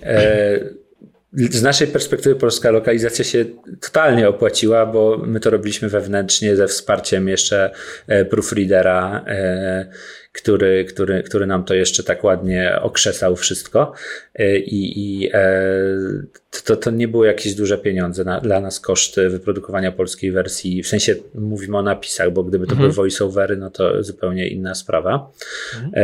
A sam rynek polski jest naprawdę już znaczący i, i być może to jest dlatego, że gra jest polska i, i, i to, to na pewno ma jakieś, e, jakieś znaczenie. E, nie wiem, czy diametralne, ale, ale zdecydowanie to ma wpływ. E, więc, więc mogę powiedzieć, że tak, że Polska jest, nie pamiętam czy top 10 czy top 15, ale na pewno jest dosyć, dosyć wysoko. Nie mam teraz danych przed sobą, ale naprawdę ja byłem zdziwiony, że jest tak wysoko. No ja już słyszałem opinię, że e, w pierwszej dziesiątce to jest bardzo często, nawet w pierwszej no. ósemce po, No widzisz, to może, możliwe, że to było top 10, tak. Czyli jak ktoś nie robi e, polskiej wersji, to po prostu pluje na nas Polaków. Myślę, że, że wiecie, że też, też to wszystko się zmienia u nas i, i ta świadomość e, o kupowaniu gier. No, no, jakby nie wiem, czy piractwo to jest jeszcze temat u nas, nie? To jest w ogóle ciekawe. Czy, czy, to, jeszcze, czy to jeszcze jest e, rzecz, nie? Piractwo gier. Raczej kombinowanie jest, jest bardziej tematem, czyli jakieś... Ale kombinowanie to jest nasza cecha, tu wiecie, no. narodowa no, trochę. Zgadzam się, no ale też, no ale no jest, jest to rynek i Polacy kupują gry, nie? Więc... No właśnie, właśnie, więc ta świadomość konsumencka, to mi się wydaje, że to jest coś, co się na przestrzeni ostatnich lat bardzo zmieniło i to, że ty nie kupujesz tego, bo ty chcesz to mieć i tyle, tylko ty kupujesz to, bo chcesz wesprzeć tych ludzi, którzy to zrobili, nie? Że jak ja to kupię, to może zrobią następną część, bo mi się w to dobrze grało. Jak ja mhm. to kupię, to oni będą w stanie zrobić coś jeszcze lepszego następnym razem. I, i mi, się, mi się wydaje, że to jest zdecydowanie, to nie jest tak, że płacę za internet, to, to, to już mogę wszystko sobie ściągać, jak, jak, jak pewien jeden człowiek z branży mi kiedyś powiedział, ale, ale e, nie, nie, to, to wydaje mi się, że to świadomość konsumencka to jest ten czynnik, dlaczego Polska jest e, coraz lepsza, jeśli chodzi o, o bycie takim rynkiem dla, dla, dla gier wideo. To co? E, e, pytania od widzów? Ja jeszcze mam parę rzeczy. Co oh. jest dla ciebie ważniejsze? Dziewiątka od IGN-u czy bycie osobowością roku we Włoszczowie? A ja mam tam no. rodzinę, więc jakby z okolic. Nie, tego, tym pytaniem to mnie trochę zabiłeś, ale kurczę, no chyba dziewiątka od IGN-u jednak. O, no. Pozdrawiam. Ja bardzo, bardzo doceniam, tak, nie, nie wstydzę się, że jestem zwłoszczowy, bardzo lubię tam wracać, ale, ale bardzo lubię też tam pociągami jeździć. No wiadomo. Dwie stacje są nawet. Dwie stacje, dokładnie. Ale tylko jedna między Krakow, ten pociąg Kraków-Warszawa się. I e, Pendolino się nawet zatrzymuje, zgadza się. Ważne pytanie, to był trochę taki żart. E, ważne pytanie. Mamy teraz gigantyczny kryzys w branży praktycznie jak się wchodzi na LinkedIna, to czasami, niektóre firmy w Polsce game devowe są takie, że duża część pracowników, jak tam się weźmie listę pracowników, to ma, że jest otwarta na pracę. I dużo jest zwolnień, najprawdopodobniej w tym i w przyszłym roku dużo firm upadnie. No to niestety, to, to, to jest, myślę, że jeszcze za mało się o tym mówi. Może teraz te ogłoszenia zwolnień w Sony e, dadzą. Jak ja mówię czasami o tym, że jest kryzys w branży, to nasi widzowie tak trochę podchodzą do tego lekceważąco, takie mam wrażenie. Mm, Ghost Runner był robiony w półtora roku, dwójka w dwa lata. Tak, dwa lata. Mm, jak można taniej i efektowniej robić gry? E, jaki jest wasz e, patent? Co takiego, mhm. co, jest, co jest taką tajemnicą? E, no dobrze, no to jeśli chodzi o ten kryzys, to ja tylko mogę potwierdzić, że ja też to obserwuję, kiedy sobie patrzę na branżę naszą, kiedy, kiedy obserwuję inne firmy, działania innych firm i nie wiem, chociażby to jak ten rok teraz wygląda, prawda? I to, to się słyszy. No nie chodzi nawet tylko o game dev, ale też o całą branżę IT. To jest, to jest nawet szerzej. E, to są konsekwencje no, tego boomu covidowego. Ja, to, ja tak na to patrzę, kiedy to faktycznie te gry się sprzedawały e, w ogromnych wolumenach, kiedy gracze naprawdę dużo czasu spędzali przy graniu i, e, i ten, ten rozwój mm, branży gier, no, no branża rozkwita, rozkwitła wtedy na pewno, więc też tych osób było pozatrudnionych dużo więcej, dużo firm e, powstało wtedy, no bo pojawiły się pieniądze, prawda? Natomiast to też nie jest tak, że zespół można zrobić z powietrza i to nie jest tak, że jedna osoba Okej, okay, umówmy się, są takie gry, że jedna osoba zrobi coś wspaniałego, ale, ale, ale to jest, e, to, to, są wyjątki. I jeśli mówimy o pewnej skali projektu, no to potrzebny jest zgrany zespół, żeby to zrobić. I u nas e, to jest na pewno przepis na jakiś sukces, ale, ale drugą rzeczą wydaje mi się to, że scope tej gry, e, to, to, to ile kontentu możemy mm, wsadzić do gry, żeby ona za bardzo nie spuchła, żeby nie była ponad nasze możliwości, to jest często problem naszej branży, że e, Często do gry jest pakowane dużo, dużo feature'ów, e, dużo jakichś dodatków, które, które może dla graczy nie są potrzebne, a, a, a pompują te budżety gigantycznie i, i na to trzeba bardzo uważać. E, te czasy produkcyjne dla, może dla film AAA-owych, które faktycznie to attention to detail, detail musi być gigantyczne, gdzie na, wiecie, no mamy, mamy gry od Sony, mamy Sony Santa Monica, mamy Naughty Dog, mamy Rockstara. To są firmy, które wyznaczają standardy dla całej branży. Nawet nie standardy, po prostu one, one torują, idą i idą i pokazują. Mhm. My, my, możemy sobie za nimi tylko, tylko popatrzeć i, i e, im, nie wiem, marzyć o tym, że kiedyś będziemy jak oni, ale e, no to jest naprawdę długa droga. Więc my musimy myśleć bardziej o tym, co, na co mamy możliwości i z kim my chcemy konkurować. No bo załóżmy, że chcemy zrobić shooter, taki generic shooter. I od razu z kim my konkurujemy? No czy my zrobimy lepszy shooter niż, e, niż Call of Duty? Nie. Czy zrobimy lepszy znaczy, shooter niż Ja Destiny? z Remikiem na pewno nie. No właśnie, bardzo trudno I, i, i, e, i to jest właśnie taka świadomość, e, z kim my będziemy konkurować i kto jest naszym odbiorcą, czy możemy czymś się wyróżnić, czy ten nasz projekt nie jest za bardzo rozdmuchany. To, jest, to są takie rzeczy, które są e, moim zdaniem fundamentalne, żeby projekt osiągnął sukces. A wy, czy jak zrobili, jak, e, jak to się dzieje? Jesteś reżyserem gry.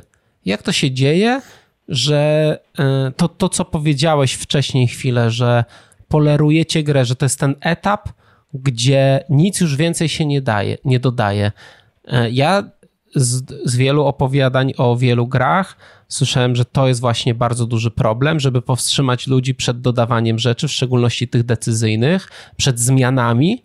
E, I jak to się dzieje, że wam się to udaje?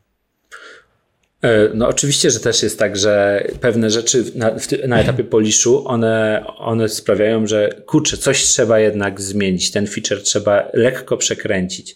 Czyli, że to nie jest, że mm, on będzie dokładnie taki sam, tylko troszeczkę lepszy, tylko może być, zdarzyć się tak, że będzie trochę inny.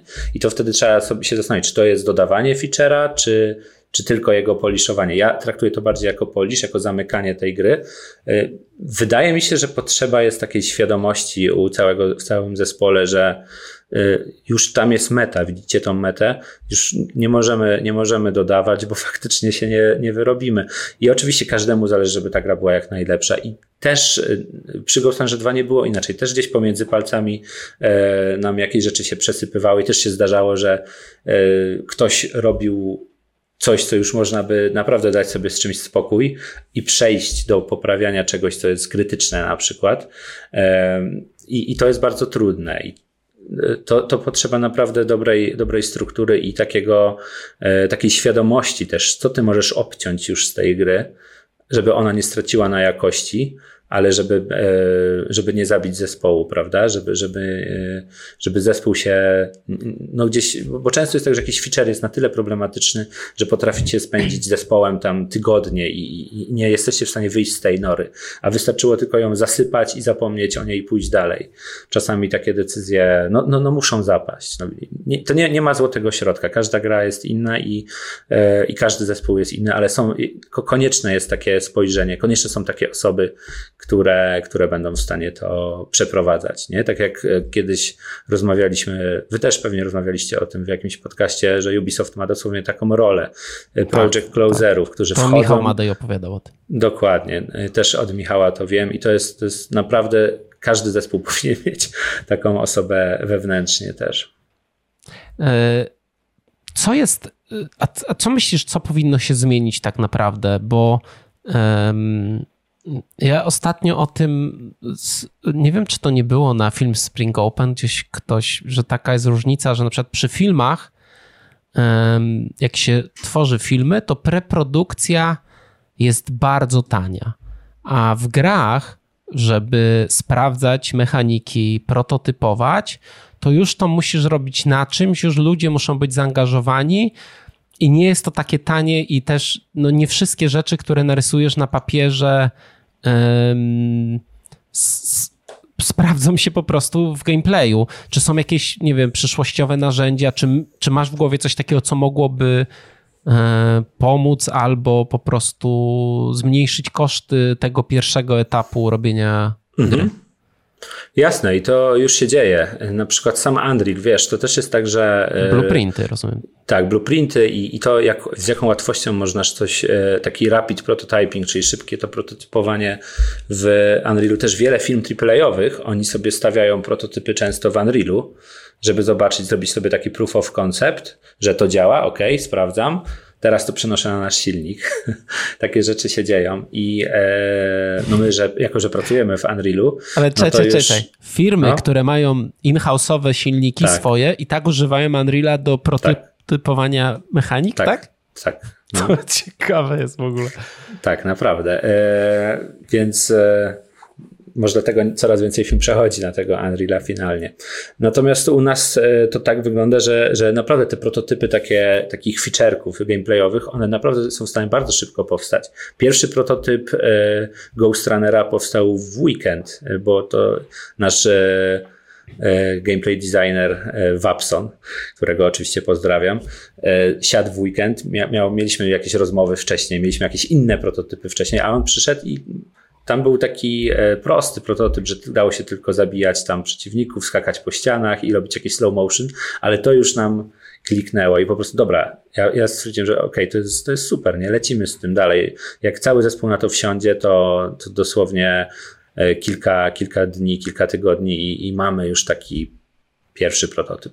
Tylko wiadomo, że zanim to dojdzie do takiego stanu, że to można komuś dać do pogrania, tak już nie mówię, że deweloperowi czy testerowi, tylko komuś, kto jakiemuś odbiorcy docelowemu, no to tutaj już jest długa droga. I, I tutaj, jeśli chodzi o gameplay, to, to ja sobie zdaję sprawę z tego, że to można naprawdę szybko prototypować i szybko failować i ewentualnie coś zmieniać. A jeśli chodzi o art, no to no z tym jest trudniej, tak mi się wydaje. No mamy dużo narzędzi, mamy, możemy zaprzęgnąć AI też do jakiejś pracy, prawda? E, Natomiast to jest wciąż, wciąż tam ta estetyka i, i, i te problemy związane z taką warstwą artystyczną bardziej mówię o takim, o, o konceptach, nie, nie o, o, o, technicznym zastosowaniu, gdzie mamy faktycznie narzędzia do, na przykład speed tree do robienia drzew, czy mamy e, e, tekstury, całe paczki, wszystko to można sobie skorzystać jakąś scenę sobie szybko zbudować, prawda? Natomiast taką estetykę, żeby coś zakonceptować, tutaj ja jeszcze, ja myślę, że dla mnie tu jest cały czas dużo pracy e, na referencjach, dużo takiego warsztatu artystycznego jest wymagane i, i, chyba tego się tak szybko nie przeskoczy. Jeśli chcesz mieć grę, która, która ma jakiś charakter, a nie jest y, jakimś generic strzępkiem jakichś randomowych rzeczy. E, dobrze, zanim ostatnie chyba pytanie mam, e, bo chciałem Cię popytać, ponieważ jesteś wielkim fanem Japonii. A, okej, okay. no jestem, zgadza się. My się znamy, wielcy fani Japonii i japońskiej kultury i sztuki. E, co, co tam, co w tych grach japońskich? No mówimy, Soulsy są japońskie, wszystkie rzeczy od Nintendo są bardzo mhm. japońskie. E, co, co takiego e, jest, że cię to pasjonuje w tym wszystkim? Głównie o gry pytam, ale może o całą kulturę. Mhm. Mm, wydaje mi się, że to, że to jest tak inne od, od naszego podejścia. Ja mam wrażenie, że troszkę jest tak, że mamy te gry japońskie, mamy te gry europejskie i mamy gry amerykańskie. I, i tak, takie może powiedzmy, że są takie trzy kategorie i trochę, trochę tak jest, bo na przykład te polskie gry też one mają taki vibe swój. E, gry, gry, gry japońskie Wiesz, nie chcę wyjść na jakiegoś tutaj e, fana, nie wiem, anime czy coś, tylko, bo, bo ja, jasne. Zapraszamy, ja bardzo... to jest safe space u nas, podcast dla fanów anime. W sensie, dla, dla, mnie to jest ok, ja bardzo lubię anime, nie każde, ale, ale, ale mam, mam kilka swoich ulubionych. Zresztą mamy też tutaj takie, mówimy sobie zawsze w designie, że musisz obejrzeć Naruto, żeby zostać designerem w Level, bo mamy masa, masa inspiracji z Naruto i, i, e, i takich, to, to u nas jest dosyć dosyć, e, dosyć taki zabawny temat, ale też trochę prawdziwy. E, co mają te gry? No, mają coś, czego nie mają inne gry. No, nie wiem, na przykład Soulsy. Dla mnie Soulsy e, i, całe, całe, całe podejście do tego, jak można graczowi, wiesz, rzucić taką mokrą ścierą w twarz i powiedzieć, no dobra, te, teraz grasz na moich zasadach i, e, i tobie się to będzie jeszcze podobać, to zobaczcie, jak, nie, jak, jak nieokrzesaną grą są Demon Soulsy. One, z każdą tą grą oni troszeczkę bardziej tak, już Elden Ring, no to już jest taki, ach, to już prawie, praktycznie każdy może w to zagrać. Tak. tak, tak. Wciąż ma ten swój charakter, ale nadal e, i, i, i a Demon Soulsy są jeszcze, to, wydawałoby się, że są trochę niedorobione, nie? Ale tam jest cały urok w tym, e, w w tym takim nieoszlifowaniu tej gry. Nie wiem, jak to nazwać, to jest naprawdę specyficzne. Natomiast y, Nintendo, no to jest zupełnie inna szkoła. No dla mnie to jest, to jest już, e, to jest takie rzemiosło, które jest wzniesione na takie wyżyny, że tylko studia Nintendo są w stanie robić taki content. To już, to po prostu to są lata. No przecież ci ludzie robią te gry tam po 30-40 lat pewnie niektórzy. No, I, przy Mario Wonder tam po czterech typów od pierwszej, pierwszego Mario pracuje dalej? Tak, więc, to... więc y, one są wyjątkowe, mają taki swój y, klimat i, i y, ty wiesz, czego się spodziewasz. Wiesz, że jak włączasz grę od Nintendo, to mniej więcej wiesz, czego się, się możesz spodziewać. jeżeli lubisz ten, ten gatunek, to, to się nie zawiedziesz. Nie gatunek, tylko powiedzmy ten, ten typ rozgrywki trochę. Zobaczcie, że to są gry dla każdego tak naprawdę. To jest niesamowite w tych grach. No, to jest bardzo ciekawe i, i e, Mimo, że one są też trudne, prawda? Mario, jeżeli chcesz jest wymaksować, jest, jest naprawdę trudną grą i wymagającą od ciebie, ale, ale ty możesz w to zagrać. Będzie siedział ktoś obok ciebie i będzie się patrzył. Też będzie mówił, o kurczę, ale fajnie tam skacze, zbiera gwiazdki.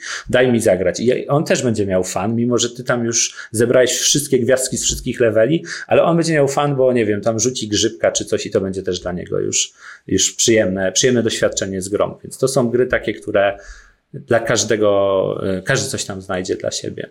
Myślę, że fenomen, prawda? Ale to są lata, lata e, dochodzenia do takiej, do takiej doskonałości i trzeba to docenić.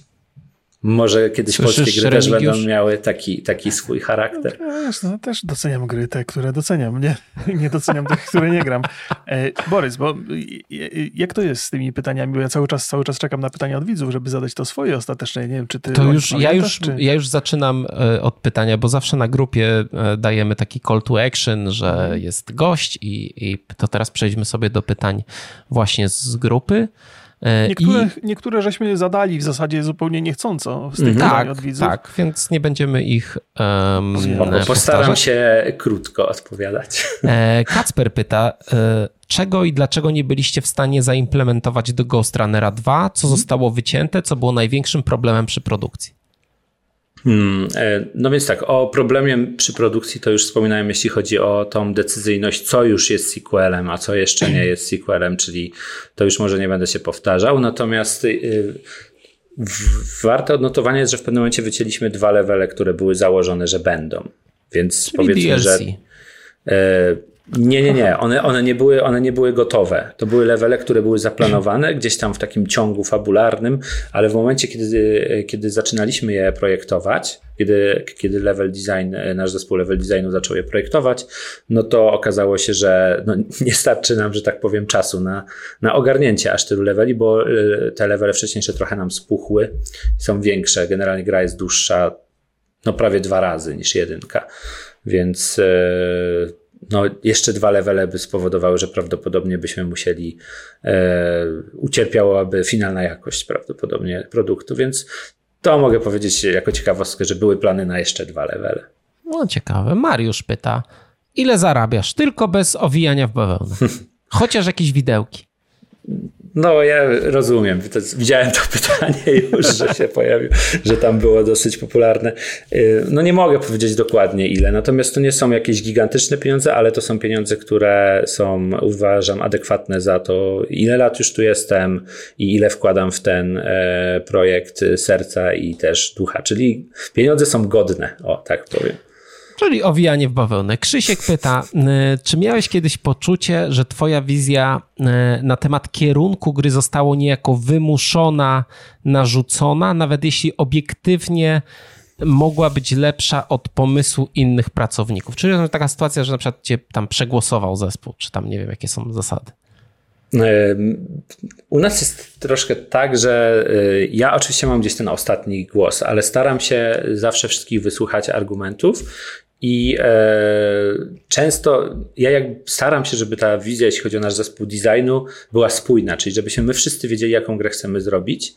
I każdy z nas musi mieć taką świadomość. To jest dosyć e, istotne, wydaje mi się. I to może, nie wiem, czy to nas odróżnia. Wiem, że inni game directorzy tak często nie działają, że takie rządy silnej ręki, że to, to, to się dzieje. Ja, ja raczej takich nie prowadzę. Może kiedy są jakieś krytyczne sytuacje, albo kiedy trzeba rozstrzygnąć jakiś spór, to, to tak. Natomiast y, dla mnie bardzo ważne jest to, kiedy, żeby cały zespół, y, ten designerski przede wszystkim, który projektuje gameplay, który projektuje levele, żebyśmy my mówili jednym głosem, żebyśmy my byli zgodni co do tego, jaką grę robimy. I to, to jest. To A jest jak są takiego. E, przeciwstawne, to dalej pytanie od Krzyśka, jak są przeciwstawne mhm. głosy, jak sobie radzisz z tym? E, no, próbujemy osiągnąć jakiś e, konsensus. Dopuszczamy do głosu więcej osób, wysłuchujemy. Wiecie, gdyby to, kiedy to dwie osoby się ze sobą sprzeczają, można szerzej porozmawiać, mamy większy zespół. Można też zapytać kogoś z innego działu, co on o tym sądzi. My dosyć otwartą komunikację prowadzimy w zespole, także da się to rozstrzygnąć. To trzeba po prostu wybrać najbardziej optymalne rozwiązanie dla projektu. Okej, okay, czyli nie, nie, ten, nie, nie zwalniasz ludzi, bo się z tobą no. nie zgadzają. Nie, nie, nie, Jeszcze nie, chciałbym coś dorzucić do tego pytania. A zdarzają się takie sytuacje, że mm, czyjś pomysł, taki za, za, za, za, którym mocno, mocno stał, ten pomysł zostanie odrzucony. To jak mhm. sobie ludzie radzą z tego typu sytuacjami? Różnie. To też e, wszystko zależy od doświadczenia. To jest bardzo trudna rzecz. To jest to, kiedy, wiecie, otrzymywanie feedbacku takiego negatywnego. E, ludzie przez lata nie potrafią e, się do tego przystosować i, i to jest bardzo zależne od osoby. Super jest, kiedy ktoś jest jeszcze tym juniorem, powiedzmy, pracuje rok, dwa lata w branży i już jest w stanie brać na klatę rzeczy i mówić, dobra, okej, okay, rozumiem, przyjmuję ten feedback i nawet, nawet jeśli się z nim nie zgadzasz, to chociaż e, uszanować ten feedback, prawda? Najgorsze jest tryb tak zwanej obrony częstochowy, który często też się zdarza, że za wszelką cenę próbuje obronić swojej, e, swojego pomysłu, na przykład, który, który został na przykład już wyargumentowany przez szereg osób, że jest totalnie nietrafiony. Na przykład tak bywa też czasem. I, i to jest kwestia, która to, to, jest, to jest proces, czego trzeba się nauczyć i to nie przychodzi łatwo. E, I w branży jest to duży problem. To wiesz co, rozwijając jeszcze to pytanie, bo, bo to jest w ogóle ciekawy zestaw tych pytań od Krzyśka. Jeżeli zdarzy się taka sytuacja, bo to się zdarza w różnych dużych projektach, że ktoś siedział nad jakimś, jakąś częścią gry przez dłuższy czas i potem ostatecznie zdecydujecie się to całkiem odrzucić. Cały jego pomysł i cała jego praca, szlak to trafia. To po pierwsze zdarzają się takie rzeczy u was i jeżeli tak, to, to też musicie sobie jakoś radzić z tym w specyficzny sposób? E, bardzo rzadko. My nie możemy sobie za bardzo pozwolić na takie sytuacje, gdzie ktoś siedzi bardzo długo nad czymś i, i to ląduje w koszu. E, to nie taka skala projektu i dla, dla, z naszej perspektywy to jest trochę wrzucanie pieniędzy do niszczarki. Czasem tak bywa, że coś trzeba odciąć, natomiast y, nigdy to nie jest coś tak bardzo znaczącego. E, wiem, że w dużych firmach AAA-owych studiach to jest codzienność, nie? że ktoś tam siedzi, robi coś rok, dwa lata i to ląduje w koszu.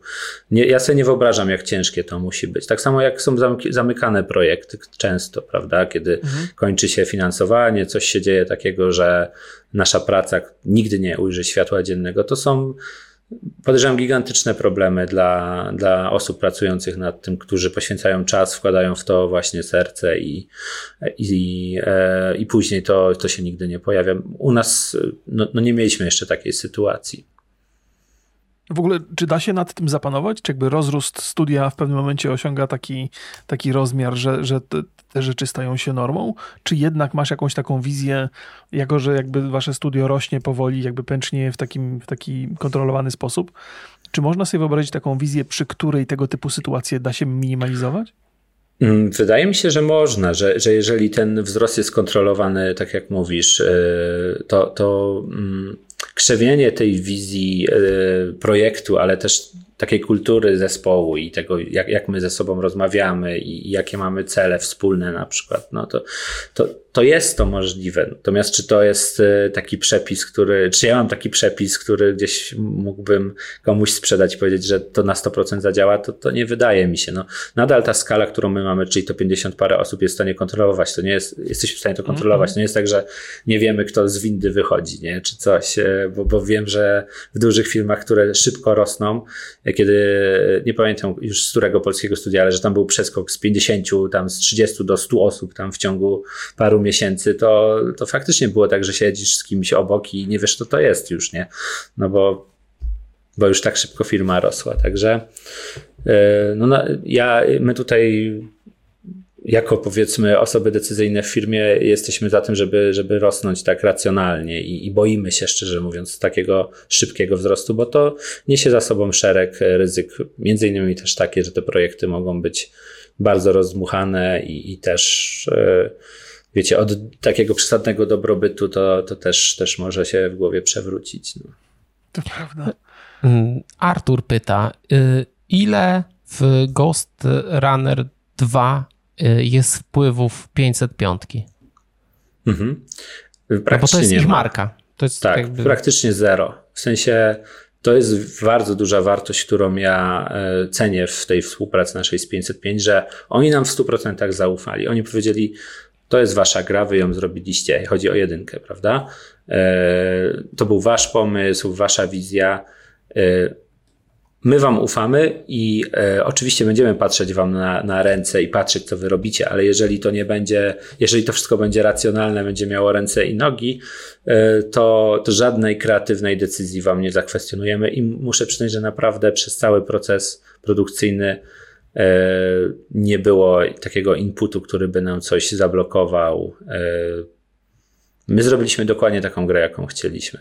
To jest, to jest niesamowite i to się rzadko zdarza e, przy współpracy z wydawcami.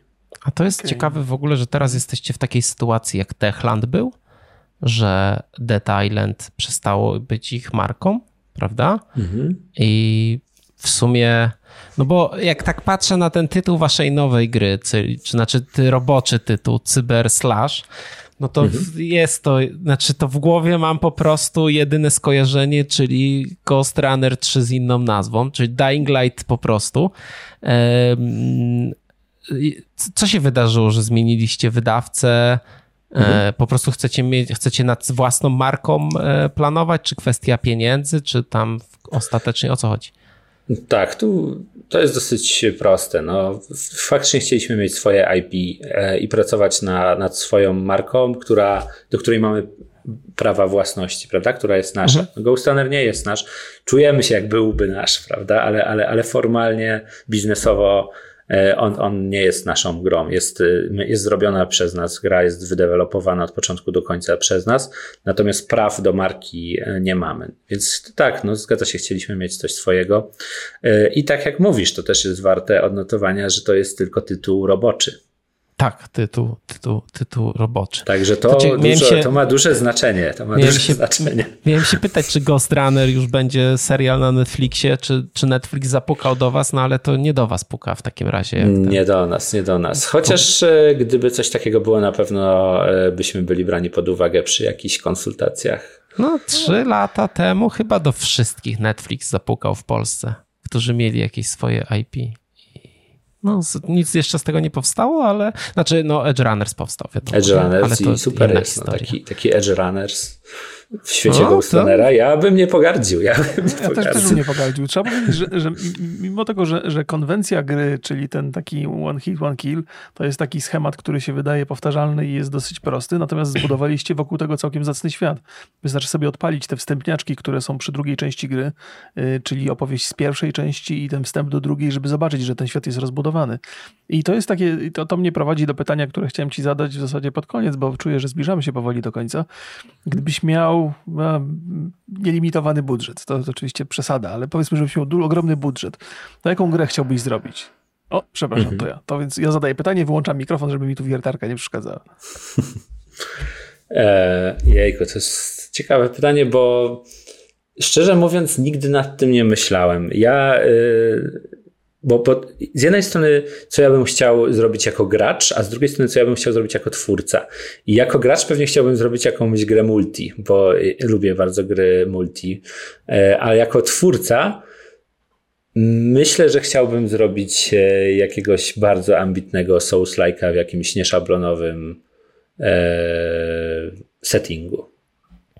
Tak bym, tak okay, bym no tak sobie spo, Spodziewałem się totalnie, spodziewałem po tych twoich wcześniejszych odpowiedziach, spodziewałem się jakiegoś Souls-like'a.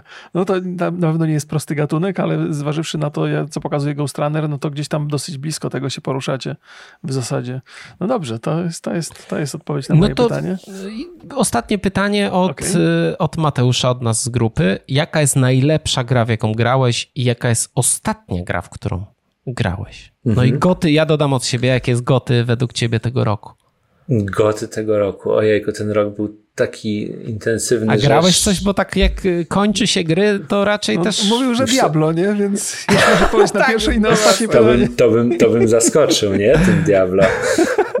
Ja to zawsze mam problem, żeby, y, wiecie, zawsze jest problem z tymi grami z początku roku, bo one uciekają. Mi się wydaje, że, że one były w, po, w poprzednim albo w ogóle.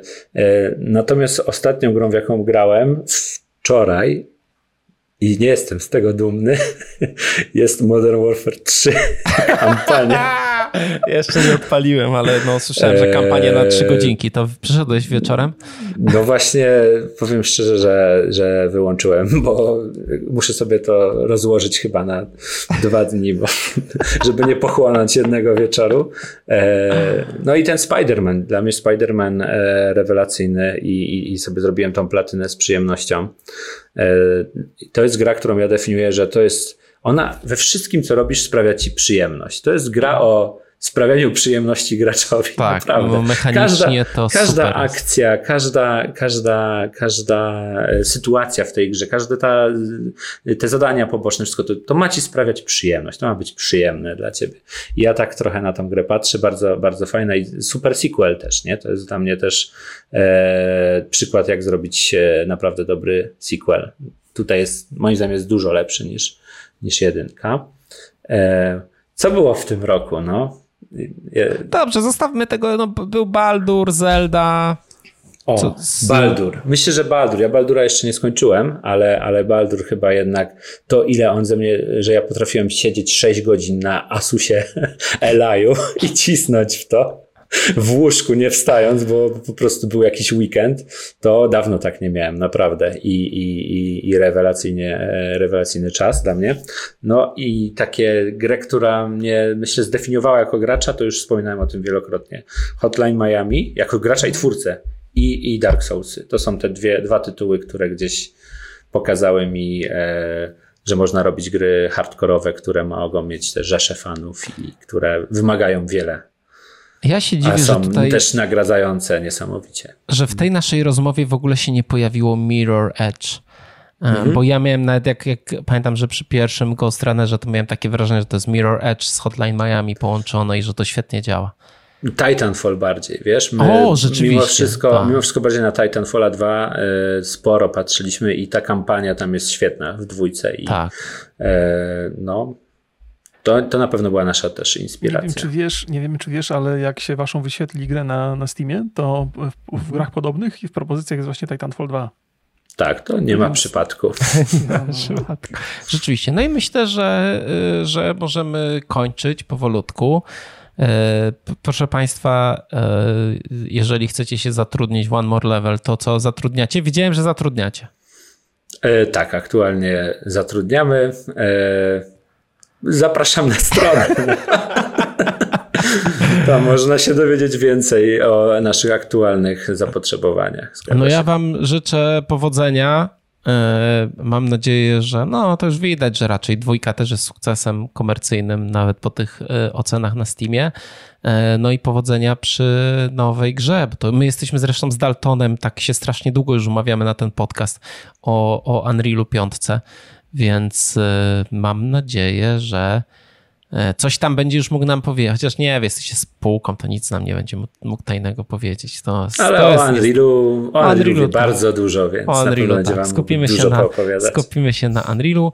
E, e, dziękuję, dziękuję Ci Radku bardzo i Państwa odsyłam. Pewnie macie, pewnie damy Wam link do strony, czy do strony na Steamie Ghost Runnera dwójki. Sprawdźcie koniecznie, sprawdźcie koniecznie. Polecam. I bardzo mi było miło u Was gościć. Tak. Trzymajcie Dziękujemy za to. Do zobaczenia. Hej.